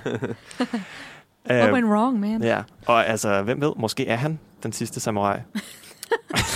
Til, ja. Jeg ved ikke, om der har været andre siden... Uh, no. Og i 2004 laver han så den film, der hedder Collateral, hvor at, uh, han spiller en rolle, som er lidt uvandt, fordi han plejer jo meget at spille sådan helten. Det er rigtigt, ja. De, de, de er helte hovedroller. Men her, der spiller han faktisk en uh, sådan hitman ved navn Vincent, som er skurken i Collateral, hvor han sætter sig ind i den her taxa med en taxachauffør, spillet af Jamie Foxx, og vil have ham til at køre rundt til alle hans, hans øh, morderiske ærner ja. i løbet af filmen. Jeg kan, jeg kan ikke huske, ved Jamie Foxx godt det til at starte med, at det det, han er Nej, det tror jeg, det tror jeg nej. først, han, han finder ud af helt, senere. Han er ikke, ved ikke helt, hvad der foregår. Der foregår nej, ja. Nej, jeg tror, han ser ham øh, slå nogen ihjel på et tidspunkt, og så er han sådan, okay, hvad fuck er det her? Yeah. What men, is happening? Men, men så er han jo så ind, men det der er med, er, at Tom Cruise er vildt intimiderende i den her film, faktisk. Altså, han er ret mm. uhyggelig. Ja. Derfor så øh, vil Jamie Foxx's karakter bare sådan, okay, fint nok, jeg skal nok køre dig rundt, indtil øh, han i løbet af filmen kommer lidt mere, bliver lidt mere modig og står op imod ham. Ja, det er rigtigt. Han får også en uh, nominering, uh, eller han bliver nomineret til bedste skuespiller. Jamie Foxx. Jamie Foxx. Ja. ja.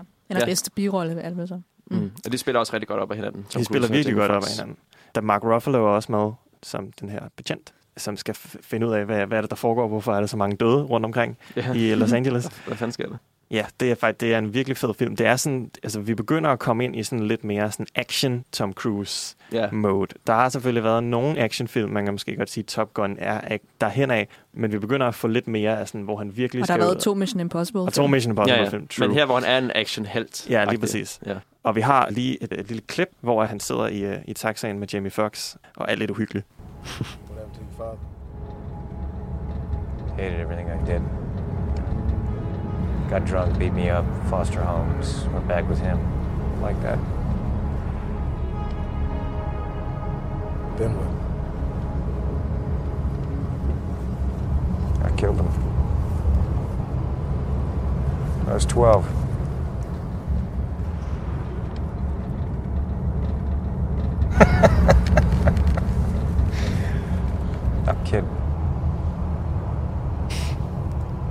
Ja, hvor han er sådan... I them. Ja, hey, jeg slog min øh, far ihjel, da jeg var 12. Haha, det var for sjov.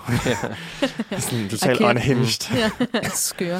Og så lige huske at nævne også, at den er instrueret af min elskede Michael Mann. Ja. Og som er virkelig sådan en... Nogle gange er det måske lidt sådan noget style over substance, for det er en virkelig flot film også. Det er han meget kendt for, ikke? Han producerede jo Miami Vice, som er jo stil-serien over mm. dem alle. Og ja, han har altså bare lavet... øh, Der er, det er tit det her med sådan, der, er det gode og det onde, og skal fange hinanden, katten og musen. Mm. Mm. For det ender det jo med til sidst, ikke? At det, det, det, det nærmest er Max, der bliver... Ender, ender ikke med sådan, han, han, han bliver jaget, men ender Jo. med at jage. Jo, det ender Ja. med, at, med, at han, Max finder ud af, at hans næste offer, eller den næste på listen for, øh, for Tom Cruise her, er en, som han tidligere har kørt taxa rundt med, som han har et lidt godt øje til. Og så skal han prøve at redde hende fra Tom Cruise.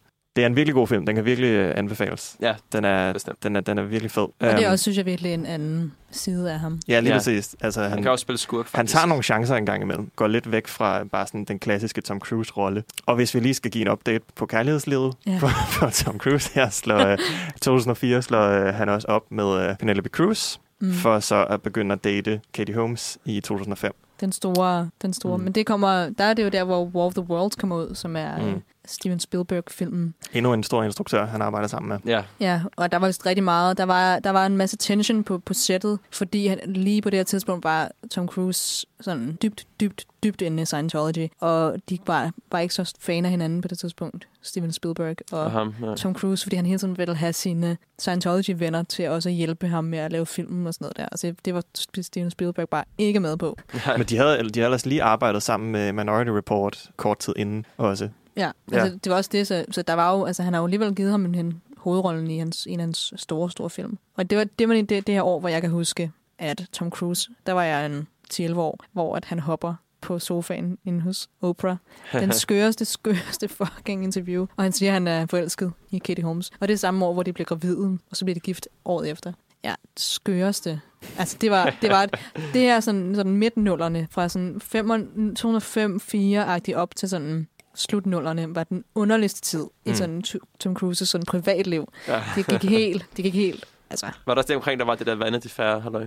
Den kom i 2012. I 12, ja, okay, der kom ja. den ud. Men det kommer vi til, når vi i Gossip Corner herovre i hjørnet. Ja. Skal vi gå lidt videre, fordi i 2008, der kommer Tropic Thunder, Ja, og der, som jo... ligesom Hvor han jo pludselig dukker op. Ja, præcis. Ja. Det fede ved Tropic Thunder er jo, at det kommer bare sådan ud af det blå nærmest. Han er jo ikke på plakaten. Det er jo en, det er jo en Downey Jr.-film, det er en Jack Black-film, og det er en Ben Stiller-film, ikke? Ja. ja. Og så lige pludselig kommer ja, Les Grossman spiller Tom Cruise, som er en eller anden øh, mogul, han har et kæmpe rig... Øh, Ja, og han er, altså, han er i et fat suit, og han har... øh, skaldet, hvad skaldet, Han har ja. mun- munkeringen nærmest. ikke? Ja, lige præcis. Ja. Den meget kendte scene, hvor han står og danser. Det er ligesom der, det er der, jeg kendte ham fra. Ja, jeg, det er jeg troede, jeg havde set filmen sådan for lang tid siden. Og sådan, så var en, han var det egentlig bare, fordi jeg havde set den scene. Så må mm. jeg lige se sådan, gud, nej, jeg må lige se Ja. Tropic Thunder. Ja. Det er fordi, man har set så mange klip fra den film, at man tror, man har set den. Men, øh, Ja. Og ligesom med Magnolia, så er det det her med, at han har en, en birolle, en mindre rolle, men jeg synes faktisk, at han stjæler filmen på en eller anden måde. Ja, også fordi det er bare så meget out of left field i forhold til, hvad han plejer at lave. Altså den rolle, altså det er sådan, han er totalt konfrontatorisk og banner helt Ja, ja. vildt. Og Vi havde sådan- faktisk snakket om, inden vi skulle optage, hvorvidt man kunne tillade sig at tage de her klip med, Ja, fordi det kan man godt. han giver Ja. den fuld Det kan man godt. vi har, skåret, på- vi har bare skåret de værste fra. Ja, det er rigtigt nok, Øhm, og det men siger noget. Skal vi ikke lige have en lille, en, lille på det. reel af, af, af Ja. Les Grossman? Ja. Fuck, Stick. I'm incredibly busy, so why don't you get the hell out of here before I snap your dick off and jam it into your ass? No, not you, Helen. But I will rip your tits off if you don't get me those theaters. This is Les Grossman. Who is this? This is Flaming Dragon! Oh, okay. Flaming Dragon. Fuckface. First, take a big step back and literally fuck your own face! now, I don't know what kind of pan Pacific bullshit power play you're trying to pull here, but Asia Jack is my territory. So whatever you're thinking, you better think again. Otherwise, I'm gonna have to head down there and I will rain down on a godly fucking firestorm upon you. You're gonna have to call the fucking United Nations and get a fucking binding resolution to keep me from fucking destroying you. I am talking scorched earth, motherfucker. I will massacre you. I will fuck you up!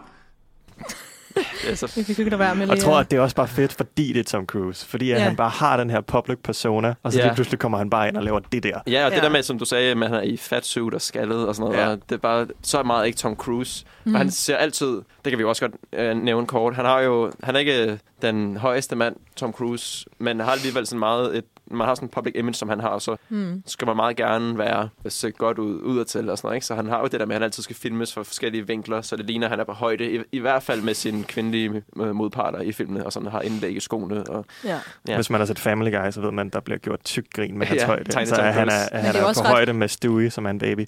Ja. Det er også også tavligt, fordi Ja. der, der, der, der viser også noget double standard over for mænd, fordi Ja. at ja, det er Han er, han er en short king. Altså, Mm, ja. han er Ja. jo, han er jo, kan man sige, jeg synes, han er en meget, meget flot mand, ikke? Også fordi han Jo, holder sig så 100. sindssygt godt. Ja. Og der, Ja, det er altså, helt vildt. Han er, er sindssygt, hvor kan han, han har ikke bevæge ældet de sig. sidste 20 år. Det er Overhovedet ikke. Og han kan virkelig, virkelig bevæge sig. Og altså, er jo flot og sådan noget, og det er jo lige meget, hvor høj man er. Men altså, der tror jeg ikke bare, det er Tom Cruise, der sådan er, er, har dårlig selvværd og gerne vil have indlæg i skoene. Der tror jeg altså også, det bare er Hollywood, Mm. der har nogle standarder om, hvordan mændene skal være i forhold til Ja, kvinderollerne. det giver selvfølgelig god mening også. Og Det er kvinderne må ikke være højere end mændene og sådan noget. Så jeg tror, det, det er sikkert også hans egen Der er sikkert også noget usikkerhed. lille smule i det. usikkerhed, ikke? Med forfængelighed. ja. Men, men altså, ja. Og Det, speaking of sådan højdeforskel, så i 2010, lige efter uh, Tropic Thunder, der kommer Night and Day ud, med, hvor han spiller over for Cameron Diaz, som bare øh, tårner ham jo fuldkommen. Men der filmer de virkelig sådan, at der er de altså på højde. Og hun Ja. er meget, du ved, det er sådan en klassisk, super, ja, lidt ligegyldig. Ja, og Øh, dem, han laver rigtig mange af de her sådan, lidt ligegyldige actionfilm i, Mm. i 10'erne. Ja. Øh, han laver også nogle gode... Jack nogle Reacher er en fed... Uh, Jack Reacher. ja. når, vi, når vi kigger udenom om Mission Impossible, vi styrer udenom det. ja, Ja. bevidst gør vi her. Så Vi det snakker om vender det lige om lidt. Det kommer, det kommer. Ja. I 2012 kommer den store øh, Vanity Fair. Nu kommer jeg til det. Fordi Ja. ja. det var altså det var noget, der var lige ved at fælde ham. Det er også det samme år, som han, hvor han er med i Rock of Ages, som er sådan en rock musical. Super, også virkelig out of left field. Ja, okay. Ja. Sjovt valg. Virkelig underligt. Men der var en, der var en meget sådan anerkendt Vanity Fair er jo et meget ke- anerkendt magasin, og der kom en stor, stor, stor øh, sådan exposé ud omkring en masse af hans tidligere kærester, der har, det var ikke sige, vil sige, hvem de var, men der har været kommet en masse anonyme ting ud om, at, at efter han slog op med Penelope Cruz, der begyndte han at holde, begyndte Scientology at holde sådan nogle auditions for hans næste kæreste, Ja, det er så mærkeligt. øhm, som så blev Katie Holmes. Og det er faktisk samme år, det år, hvor at Katie Holmes hun ansøger om, om skilsmisse fra Tom Cruise, og de bliver skilt i samme år, en måned efter. Så det var sådan en, 2012 var en underlig, underligt år for Tom Cruise, men han er kommet tilbage derfra, for han blev ved med at sige, at, at de var, han har sagsøgt dem flere gange for, at, øh, hvad hedder det, for litigation, og at, at for deformation, og sådan, at, yeah. at, at det var løgn og løgn og løgn. Mm. Øhm, og der er heller ikke nogen be- beviser for det, men altså, når man er så højt oppe, i- det ved jeg ikke. Det kan godt være, det kan gemme det. Øhm, men det var, det var en meget... Jeg, kan godt, jeg kan huske den der Vanity Fair-artikel, fordi det var bare det var over hele verden, hvad det var, der blev sagt. Og der var også en stor, stor mand inden for Scientology, der kom ud, som så var, havde forladt kirken, eller kulten, og havde så sagt, at han godkendte Altså, det var rigtigt nok. Øhm, så, men det kan jeg er ikke sikker, at man kan stole på dem. Men det var, øh, ja, det var bare virkelig underligt. Nu hopper vi lidt videre fra hans sådan Private liv. private liv til en Til- anden stor øh, actionfilm, som måske er lidt bedre end, Ja. end Night and Day. Ja, men han laver, han laver altså lidt forskelligt. Han laver også en, der hedder Oblivion, som også er sådan sci-fi, mm. Øh, som også er sådan lidt ligegyldig. Men han laver så også den øh, film, der hedder Edge of Tomorrow i 2014, som ikke klarede sig særlig godt. Det er også fordi, der, har, der har var mega forvirring om, hvad hed den egentlig? Hed den Live, Die, Repeat, eller hed den Edge of Tomorrow, eller hed den et eller andet? Det var nok en del af det, men, men øh, og jeg ved ikke om måske også om den her øh, Vanity Fair-ting måske også har gjort noget ved hans, hans rygte. Men i hvert fald så kom den her film, som ikke klarede sig særlig godt, men som jeg synes, jeg ved ikke om I er enige, det er I muligvis ikke, men jeg Nej. synes, den er helt vildt fed. Det er, altså, det er sådan en, øhm, en, en blanding af, hvad skal man sige, Groundhog Day, det her med, at den samme dag igen og igen, samtidig, samtidig med, at det er sådan et uh, sci-fi action eventyr Ja. med nogle aliens og nogle kæmpe exosuits og øh, ham og Emily Blunt, der skal kæmpe mod en masse af de her aliens og sørge for, at de vinder den her krig mod rumvæsener. Det lyder langt ude, og det er det også. men, men det er, den er virkelig, altså det, jeg synes virkelig, den, jeg er også virkelig en sucker for de her Groundhog Day-agtige Mm. øh, Det er et fedt koncept. Det er et virkelig fedt koncept, ja. og jeg synes faktisk, de gjorde det på en ny måde, som er ret fed. Mm. Det her med, at hver eneste gang han dør, så kommer han tilbage til det samme, Mm. det samme øjeblik, og han bliver ved med at dø, fordi Ja. de kan ikke komme videre. Så du uh, Palm Springs med Det gjorde jeg, ja. Det var, også- det var Den også, også det det var også udmærket. Ja. Ja. Det var også meget sjovt. Ja, men det er, den, ja, I er ikke enige. Men jeg, synes, jeg synes, den er virkelig god. Er, så altså, jeg vil bare det, lige det, nævne kan lide ved filmen, det er, at, at det er Tom Cruises karakter er sådan lidt en taber i starten. ja. Og det er meget Ja. fedt. At han, at det, er, det er faktisk Emily Blunt, der er the, the cool one. Mm. Ja. Og det er meget fedt at se Tom Cruise være sådan en, være den ikke seje. Det bliver han selvfølgelig til sidst. Det bliver han Ja, så, ja. fordi han jo lever den samme dag igen og igen, så Ja, ja. bliver Ja. han trænet op af Emily Blunt, Ja. så, øh, så de kan klare den her mission. Jeg synes også, den er, den er underholdende, men jeg, jeg følte bare måske, at det var bare det, sådan, bare smadret sådan en masse forskellige film sammen, og så laver vi det her. For jeg Ja, havde og, det for, og det fungerer skide godt. ja. Nå, men vi har lige et hurtigt klip med, øh, med Tom Cruise og Emily Blunt. Wait a second. Wait a second. Because I've been thinking. I mean, this thing's in my blood. So maybe there's some way I can transfer it to you. I've tried everything, it doesn't work. I mean, have you, you know, tried all, all the options? Oh, you mean sex? Yeah, tried it. How many times? All right.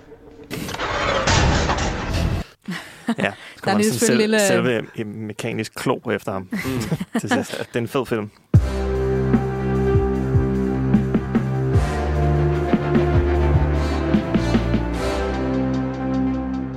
Nu er, vi, nu er vi jo kommet til det. Vi ja. har teaset det. Han lavede også lige noget Jack Reacher, og han, han lavede The Mummy. Ja. Det er ligegyldigt. Ikke, ikke de store succeser, de kom ud. Jack Reacher er meget fed. Ja, Den er okay. der, er- Men- jeg har ikke set den. Det er sikkert fint. Intet kan slå. Dun, dun, Du, dun, du, dun, du, dun, dun, dun, dun. Da-da-da. Ja. Your mission, should you choose to accept it, Your mission, should you choose to accept it. Your mission, should you choose to accept it. Your mission, should you choose to accept it. as always, should you or any member of your armed force be caught and killed, the Secretary will disavow all knowledge of your actions. As always, should you or any member of your team be caught or killed, the Secretary will disavow any knowledge of your actions. Pursue us, you will be caught. Resist us, you will be killed. And your precious secretary will disavow any knowledge of your actions. This message will self destruct in five seconds. If I let you know where I'm going, I won't be on holiday. Den første Mission Impossible film, den kom ud i 1996. Ja. Og er jo en Spion-thriller. spion-thriller. Så er det ved noget. som er lavet, ja. altså det er en, en filmatisering af en, en tv-serie fra 80'erne, som var, alle var sådan, ej, stop. Ja. Lad være med at lave den. Og især også fordi, den er jo instrueret af Brian De Palma, som man mm. i forvejen ved er sådan en autørskikkelse og laver Mm. mm. sådan meget specielle film. Og så lige pludselig så kommer han ud med den her øh, pop, mainstream, spion, thriller, action. Som bare har noget andet til sig, synes Ja. jeg. Altså det er jo, og det synes jeg er fantastisk ved, ved den første Mission Impossible, det er, at de bare tager det originale team og bare dræber dem alle sammen. Ja. Og så er de sådan, "Nå, wipe it clean. Ja, Og så præcis. starter de fra frisk, bortset fra, at Ethan Hunt selvfølgelig er der stadig, Mm. som er Tom, Tom Tom Cruise Cruises karakter. karakter. karakter. Ja. Og de har jo lavet seks af de her Mission Impossible-film, som har skiftet instruktør undervejs, og har også meget skiftet udtryk. Altså den anden film, som, øh, som kommer ud i 2000, er øh, John Woo, hvis det ikke jeg tager meget fejl. Yes, det er det. Øh, som jo er total smadret action. Ja. Og det er, det er den virkelig- første ikke. Altså, den, det er action på den hårde det, klinge. det, ja, det er nok vigtigt at lige pointere, sådan John Woo er jo kendt for de her sådan Hong Kong actionfilm med slow motion og sådan noget. Altså, de lavede det der Ja. ja. slow motion halløj inden Matrix Mm. mm. og kaste og sådan, ja, bullet rain og det ene og det andet og sådan noget. Og det har de så overført til Mission Impossible 2. Ja, ja. Og, og det er ikke nogen særlig god film. Nej, det, Det er nok det er den svageste. Jeg tror også, hvis jeg, hvis jeg laver sådan Mission Impossible Marathon. marathon, så hopper jeg altid over toeren. Ja, For fuck jeg, jeg ser dem virkelig ofte, men jeg hopper altid over toeren. Den er, der, den er altså ikke. Den har et virkelig godt soundtrack, fordi det er Hans Zimmer, der har lavet sådan et under, der sådan, har lavet sådan et spansk tema, som er ret fantastisk. Og den er også bare, der er sådan en kvindelig karakter, som bare er der for at se godt ud. Ja. Og altså, den er så De, dum. de har sådan en, der er sådan en scene, hvor de kører ved siden af hinanden på sådan en sådan bjergvej, Ja. hvor det er sådan, nej. de sådan kører flirter agtige jeg ved, jeg, ved- altså hvor det ender med, at de kører sådan galt, og jeg ved ikke, hvem det er. Der er en af dem, som er lige ved at falde ud af klippen og dø, på grund af, at de bare leger lidt på den her fucking Ja, vej. det er åndssvagt. Det er så åndssvagt. Ja, den er, den er langt ude. Og så er det der, hvor han kaster sine solbriller ind. Og de eksploderer. I, i, eksploderer, og så kommer... Og så kommer titlen. Dum, dum, Ja. dum, dum. Mest sådan en, i sådan en elektrisk guitar-version. Ja, det er fantastisk. Ja, Altså, det er langt ud. Men alligevel så er der sådan, jeg, jeg så dem med mine forældre øh, her under corona, alle sammen, på, vi lavede mange af sådan nogle maratoner. Og der var, altså lige meget hvad, så bliver man sgu lidt excited, når den der dum, dum Ja. kommer. Ja. Altså, man kan ikke lade være. Ja. Men, men træeren, det er altså J.J. Abrams fandens god film. Jeg kan virkelig godt den lide er, træeren. Ja, den, er, den er god, og den, den sætter også lidt tonen for, hvad serien skal være fremadrettet. Ja. Fordi den, den blander lidt både det der, øh, vi skal have fat i den her gimmick, eller den her, øh, hvad hedder det, MacGuffin, og så skal der være nogle heists, og så er der en masse action. Ja. Og Tom Cruise skal lave nogle sindssyge ting. Ja, præcis. Det her, han begynder virkelig at, altså, at skrue op for sådan Stunts stunts. og sådan noget. Man Ja. tænker sådan, at han må have Death Wish eller et eller andet, for han Ja. laver nogle Ja, vanvittige ja, det er ting altså sådan, når der er en ny Mission Impossible-film, der kommer ud. Sådan, Nå, hvordan har Tom Cruise tænkt sig næsten at blive slået ihjel i den her? Ja, virkeligheden, altså. Det er helt sindssygt. Jeg synes, at øh, jo højere, jo længere længere op vi kommer i det Mission Impossible-film, jo vildere bliver Ja, de her de stunts skal hele tiden top den, den, Den- den tidligere. tidligere, ja. Men, altså, men i, uh, i det er jo også bare fedt, at han gør det jo. Altså, Ja, ja, det er, men det, og det, det, siger, det er også fedt for, altså for oplevelsen, fordi at der er færre cuts, fordi at de rent Mm. faktisk kan blive på ham, fordi der ikke er hele tiden en eller anden stuntmand, der skal. Ja. I stedet for, og det, er, det, det gør bare filmoplevelsen meget federe. Ja, det er Altså- meget mere tense. Altså, man er, der er meget mere spænding i en scene, fordi man Ja. ser på ham hele tiden. Man får Ja, ja. lidt sved i håndflader, når man sidder og ser... Helt vildt. Det, Ja. går, det går for os Ja. videre til Ghost Protocol, der er den fjerde instrueret af Brad Bird, hvor han jo rent faktisk hænger på den højeste bygning i verden, Burj Khalifa, Mm. Ja. i virkeligheden, Og han løber ned ad den, og løber ned ad den. Det ja. er, og løber rundt om den. det er så virkeligheden. tense. Han er så sindssyg, Tom Cruise. Det er helt vildt. Og det bliver så toppet i Rogue Nation, den næste, som er instrueret af Christopher McQuarrie, hvor han hænger på siden af sådan et cargofly, mens, mens det letter. Det er og, og blev ved med at hænge på det. Og det gjorde de også i virkeligheden. Ja. Og det var jo, altså det er også fordi, så, at den klipper tilbage til øhm, en af de andre karakterer. Jeg kan ikke helt huske, hvem det er. Det er Simon Pegg, tror jeg. Er det Søren Pegg? Ja, han ligger Ja. der i græsset øh, med hans Benji. briller. Mm. Benjis karakter, øh, eller Benji. Og så klipper det tilbage til Tom Cruise, og så tænker jeg, "Nå, okay, det kan være, at, at så er de så Ja. nu er der green screen. Men det er rigtigt Nej, nok, nej. at de er det meget, meget, meget, meget, meget højt op fra jorden. Ja. Han hænger stadig med, i hænderne ja. i det der skib, eller ikke skib, fly. Ja. Og i Øhm. samme film, der holder han også vejret rigtigt i 6,5 minut, Mm. hvor, de, hvor de, de er i gang med sådan en heist, hvor de skal have fat i noget, som er i sådan under, under vand, Ja. hvor han skal holde vejret rigtig længe. Og det gjorde han også i rigtig mange takes, hvor han bare kunne holde vejret efter lang tid. Altså Og helt vildt. så i Fallout, ja. som er den nyeste, den er kommet ud øh, i, 18. i 18. Ja, hvor han faktisk kom til skade under, øh, Han under brækkede filmningen. sin Han ankel. brækkede ankel. I hvert fald stunt. Han, og det var egentlig et meget, sådan, meget simpelt parkour-agtigt stunt, hvor han skal hoppe fra den ene bygning til den anden ja, bygning. det kan jeg godt huske. Det, er ikke, det, er ikke, det var ikke et af de vilde, Nej. kan man sige. Ja, bare landet forkert. Men i samme film laver de også sådan et halo-jump, hvor de hopper ud fra, fra et fly. Øh, ham og Henry Cavill. Ham og Henry Cavill. Og, og, ja, Ja, og så er der den der meget kendte scene fra Fallout, hvor de, hvor de flyver i helikopter. ja, hvor de han- også rigtig flyver. De rigtig flyver, og han hænger på yder, ydersiden af en helikopter, Tom Ja. Cruise. Nu Og har vi det selvfølgelig der- snakket rigtig meget om sådan stuntsene, men jeg synes Ja. faktisk, at det, de har nogle virkelig, virkelig fede plots, Mission Impossible-filmene. Ja. Og det sjove er, at, altså, at jeg har læst, at Christopher McQuarrie har sagt, at den måde, de laver dem på, i hvert fald de sidste par stykker, er, at de finder ud af, hvilke stunts de gerne vil lave først, og så laver de plottet omkring det bagefter. Okay. Ja, for der er også en Og rigtig- alligevel virker det. Ja, ja, Jeg ja. mener også, det er i Fallout, der er en rigtig fed chase-scene i Paris og sådan noget mm. på motorcykler også, og sådan noget, som bare er Ja. fuldstændig vanvittigt. Igen, Tom Cruise på en motorcykel. Ja. Der er han igen, ikke? Og Tom Cruise, der løber, er også bare blevet en ting, ikke? Ved de Også her på hans, hans, hans bio på Twitter hedder actor, producer, running in movies since Ja. 1981. der er men også, det er han, også han har lidt selvironi. Ikke? Han skal træne til, hvis han engang melder sig ud af Scientology, og han skal løbe fra dem. Ja, ah! Løb ja. ja. problemer. Det, der er også, jeg, Fordi så skal han løbe resten af livet i hvert fald. jeg tror, min yndlings øh, løbescene er Tom Cruise, fordi dem kan man jo rate, er i, i Mission Impossible 3, hvor han er i Shanghai, husker jeg nok. Ja, han er og i det er et meget langt shot af ham, der løber. Og det er bare one shot. Nej, der, ja. der er nogle klip, men det er filmet i en lang Ja. ja. smør, Mm. hvor han løber, og han starter op fra et træ, han har ben, øh, et træ, what? Op fra et tag, Ja. øhm, og han har Benji i, i ørerne, eller i, i, i, hvad hedder det, altså i, i en telefon, og så siger han så, where are you going? Og sådan, "Um, I'll tell you when I meet you. Altså, hvad, hvad laver du? Og det er fordi, at han er ved at Ja. Ja. Og han cover noget. sprinter. Altså. Ja. Så han starter op fra et tag og løber ned hen over en bro, løber ind forbi, og så løber han bare i evigheder Mm. igennem alle mulige ting, igennem Shanghai. Øhm, fantastisk scene. Det er genialt. Og så kan vi jo nævne, at der lige nu er kommet teaser ud for den nyeste Mission Impossible-film. Dead Reckoning Part 1. Så vi får den altså i to dele. Jeg glæder mig. Jeg glæder mig Ja. ja. rigtig meget. Det er, det, der er jo igen uh, Tom Cruise, der er producer, som han er på alle Mission Impossible-filmene. Det virker lidt på mig, som om det ligesom er hans passionsprojekt, Ja. Mission Ja. Impossible-filmene. Han føler sig meget, han har virkelig sådan en kærlighedsforhold til de her film. Ja, og, og de går, altså, der bliver også virkelig gjort meget, lagt meget arbejde i dem, ikke? Altså, for, som sagt, det der Halo-jump, som de laver i Fallout, har, ø, har de øvet over 100 gange.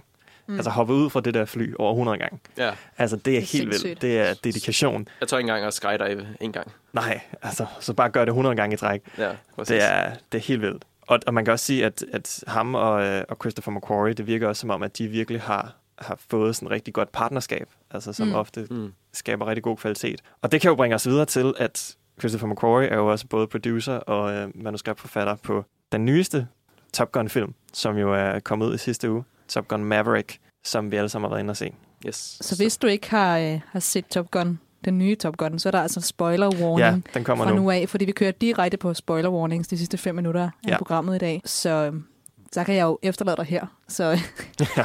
ja, ja hvis du, øh, hvis du vil lytte med. Hvis du hopper fra nu, så tak for i dag. Så tak. Så tak. tak for i dag. Og husk, ja, en god, kan vi lige sige, jeg synes, I, I skal gå ind og se Top Gun. Men Ja. ja. se den lige, se lige den originale Top Gun, for der er virkelig Ja. ja. mange referencer.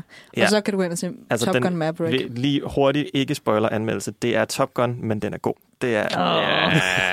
Ja, jeg synes, den er det er rigtig den god. samme film, men den er god nu. Hvis du godt kan lide, øh, hvis du godt kan lide Tom Cruise, action, sådan Fly. øh, bromances, fly. Og Eller hvis du er en far. Ja. Sådan, det er en rigtig farfilm. Så er du kommet til det rigtige sted. Ja, så, det er så det. skal jeg gå ind og se den nu, og se den i IMAX. Og jeg er ingen af de her... Ja, jo, jeg kan godt lide Tom Cruise, men... nej, jeg synes faktisk, jeg var, jeg var rigtig positiv overrasket over den. Det var jeg altså. Det er Maverick. Spoiler warning. Tak for i dag. Lige om lidt.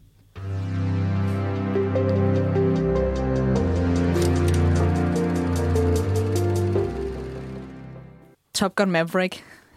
Venner, nu er vi kommet ind i vores lille boble, vores spoiler-boble. Øh, Ja. ja. Farvel til jer, der ikke har set den, øh, og hej til jer, der har. Ja. Øhm, Fordi at, øh, det er jo bare egentlig bare Top Gun igen, ikke? Jo, jo, men man må huske at nævne, at øh, ja, helt klart, den kører meget på det der 80'er nostalgi, men også drager noget nyt ind, ikke med nye karakterer og sådan. For vi har jo Miles Teller, der spiller Gooses søn. Mm. i den her. Rooster hedder han meget øh, passende. Mm-hmm. Ja. Og hvor ja, Tom, Tom Cruise er den her sådan har prøvet at holde sig væk fra sådan militær tjeneste og sådan noget i rigtig lang tid. Man skal så vende tilbage nu for at undervise et nyt hold rekrutter på Top Gun-skolen. Så han er stadig en kaptajn jo. Altså. Ja.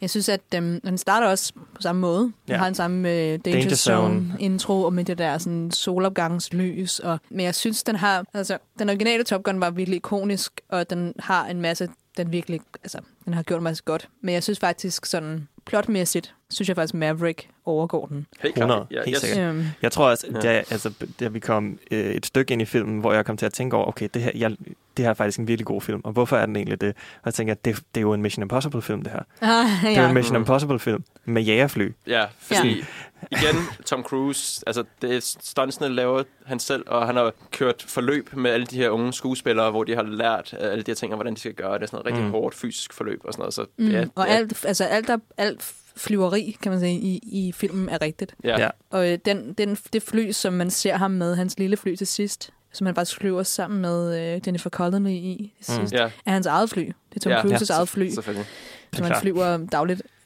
altså, jeg synes faktisk, jeg var, jeg, jeg kan huske, vi var inde og se den i går på Benjamin, og vi sad, Mm. jeg kan huske, vi begge to, altså hele biografen var virkelig stille på det tidspunkt, hvor at, at Tom Cruise overtager eller Maverick overtager flyet, og så selv flyver den der testflyvning. Mm. Og der var bare helt sådan... Vum. Og jeg sad med popcorn i hånden, og lod være med at spise dem. Jeg sad bare med dem sådan... ja, det er virkelig Det sådan... var faktisk det er en virkelig tens, altså Ja. det er virkelig tens. Og det var også fordi, at jeg havde, jeg havde ikke sådan en, sådan en følelse af tryghed på noget tidspunkt. Jeg synes, Nej. de kunne godt slå ham ihjel. Altså, Ja. de kunne godt finde Ja. på det. Det og, der, og der er flere moments, hvor at de virker som om, at de skal til at gøre det, eller de har gjort det. Altså der, hvor, at, hvor han rent faktisk bliver skudt ned, og, man Ja. og, og de andre tror, at han er død, så var sådan, gjorde de? Gjorde det det? Gjorde det det rigtigt? Gjorde, gjorde det det lige? Det, det var man formodet, at de har lavet lidt uh, computergrafik for. Nå, ja, der er selvfølgelig noget. Håber man. Ja, ja, det har det selvfølgelig gjort, men det er jo Ja. umuligt. Det har, de har jo også lavet missilerne, er vel også lavet på computer. Ja, det tænker, jeg tænker rigtig meget af det er også CGI. Men... ja. Og så der, hvor at, øh, Rooster så flyver tilbage, og sådan her, selvfølgelig flyver han tilbage for at hente ham jo, ikke? Ja, ja. Men så er jeg faktisk ret glad for, at, den bare, at de bare lander, og så er de sådan her, hey, fuck, altså, Hvad gør vi? get out of here, Ja. hvad laver du her, Ja. fuck dig, og sådan, så der var sådan noget, Ja. altså det var en ret, det var en vildt sjov scene, jeg synes faktisk, det, det, det var virkelig godt lavet, Ja. Øh, at det ikke bare var sådan noget, you can be my wingman, come on, man, good, good on you, altså det var også ikke, fordi, det var ikke også, og pladder. derfra var det ikke bare, okay, nu går vi op og flyver igen. Det var Nej. også sådan, okay, nu skal vi have fat i det her andet fly, så Ja. vi skal ind i den her. Ja. Det er super vagt, hvem det er, de kæmper mod. Altså, jeg ved ikke, jeg ved ikke, hvem fjenden er. Nej, det er rigtigt. Det er Ja. nok Rusland. Men det er noget Kina men- og Rusland. Ja. Men nu skal vi lige infiltrere den her base og få fat i det her fly, så vi kan flyve. Og, altså, Ja. sådan, så det var, det var ikke kun bare, at vi flyver rundt hele tiden. Det kan man også blive lidt træt af. Sådan, de, de mixer det lidt op. Ja, ja, jeg synes, det var virkelig fedt. Og, og så er flyvescenerne også rigtig fede. Altså, man kan virkelig se, hvad der foregår. Altså, det er Ja. også virkelig rart. Sådan, jeg, I den originale Top Gun er det nogle gange, hvor jeg er sådan, okay, hvem er hvem? Jeg er, sådan, jeg har ikke, jeg er ikke helt med. Men det er også men, fordi, men det, den her, det, det, der er mulighed for, at de kan filme det nu. det er den teknologiske altså, udvikling, Ja. ikke? Men der, der var også nogle gange, hvor jeg tænkte, hvordan fanden har de filmet det? Ja. Altså, Ja. hvordan fanden har de gjort det? Fordi de har jo, der hvor han flyver op og lægger sig ovenpå den anden flyver, ligesom han gjorde i den originale Top Gun. Ja. Den der I'm Inverted. Altså, der filmer de det udefra, men det må vi filme fra en helikopter eller et eller andet. Eller en Eller drone, måske. Ja, en Ja. drone. Altså, det var virkelig, det var virkelig nogle flotte skud. Også kameraet inde i, i flyver, Ja, så man kan få lov til at se ind i cockpittet lidt mere, Ja. også i her den nye. Det synes jeg var virkelig fedt. Og at sådan jo se crispy, der- crispy clear. Uh. Ja, ja, Ja. ja. Den skal ses i IMAX.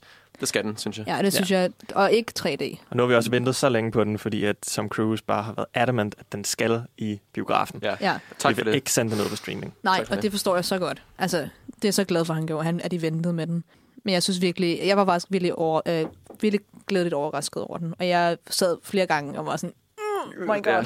Ja. Ja. Øh, og så synes jeg faktisk, jeg fældede en lille tårer, da Goose, eller Gooses søn sagde, uh, talk to me dad.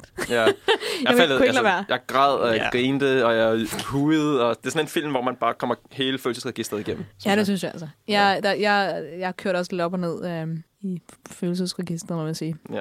Jeg synes, jeg synes også, at den var fedest. Det ved jeg godt. Det er også, fordi jeg ikke har den store nostalgi for den originale. Men den er fedest, når den, også, når den prøvede nogle nye ting, eller sådan udviklede det lidt. Ja. Fordi jeg kunne godt mærke, at nogle af de der scener, som bare var tydeligvis bare de samme scener som originale, den originale Top Gun, var jeg bare sådan Mm. lidt, okay, det her det er bare nostalgi-bait. For eksempel der, hvor de skal spille, den gang var det så amerikansk fodbold uden trøjer på. Sådan, okay, jeg, jeg forstår referencen.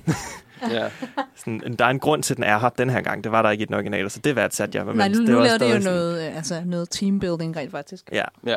det gav bedre, bedre mening. Men, ja. øh, men det er altså en kæmpe succes, og er den første Tom Cruise-film, som øh, har øh, tjent 100 millioner dollars i sin åbningsweekend. Hvor 150.000 danske Ja. har set den. I første Hvilket, er- hvilket jo er vildt. Altså, jeg kan slet ikke forstå, at der ikke er andre, der har gjort det. Men, altså, men jeg synes, det er fortjent, at det skulle være den her. Ja. Altså, det er, den, er, Ja. den er virkelig fed. Kan totalt anbefales. Tag ind og se den. Ja. Altså, Og så er vi øh, up to date, og faktisk klar til at Ja. sige tak for i dag. ja, det er en, en vild karriere, han har været igennem. Det må man sige. Og jeg håber, at han nogle- fortsætter er mange år endnu, på trods af at være 59. Ja, Ja, han er, han er en spring chicken. Han, må har, han har masser af år tilbage. Og så ligner han jo ind på...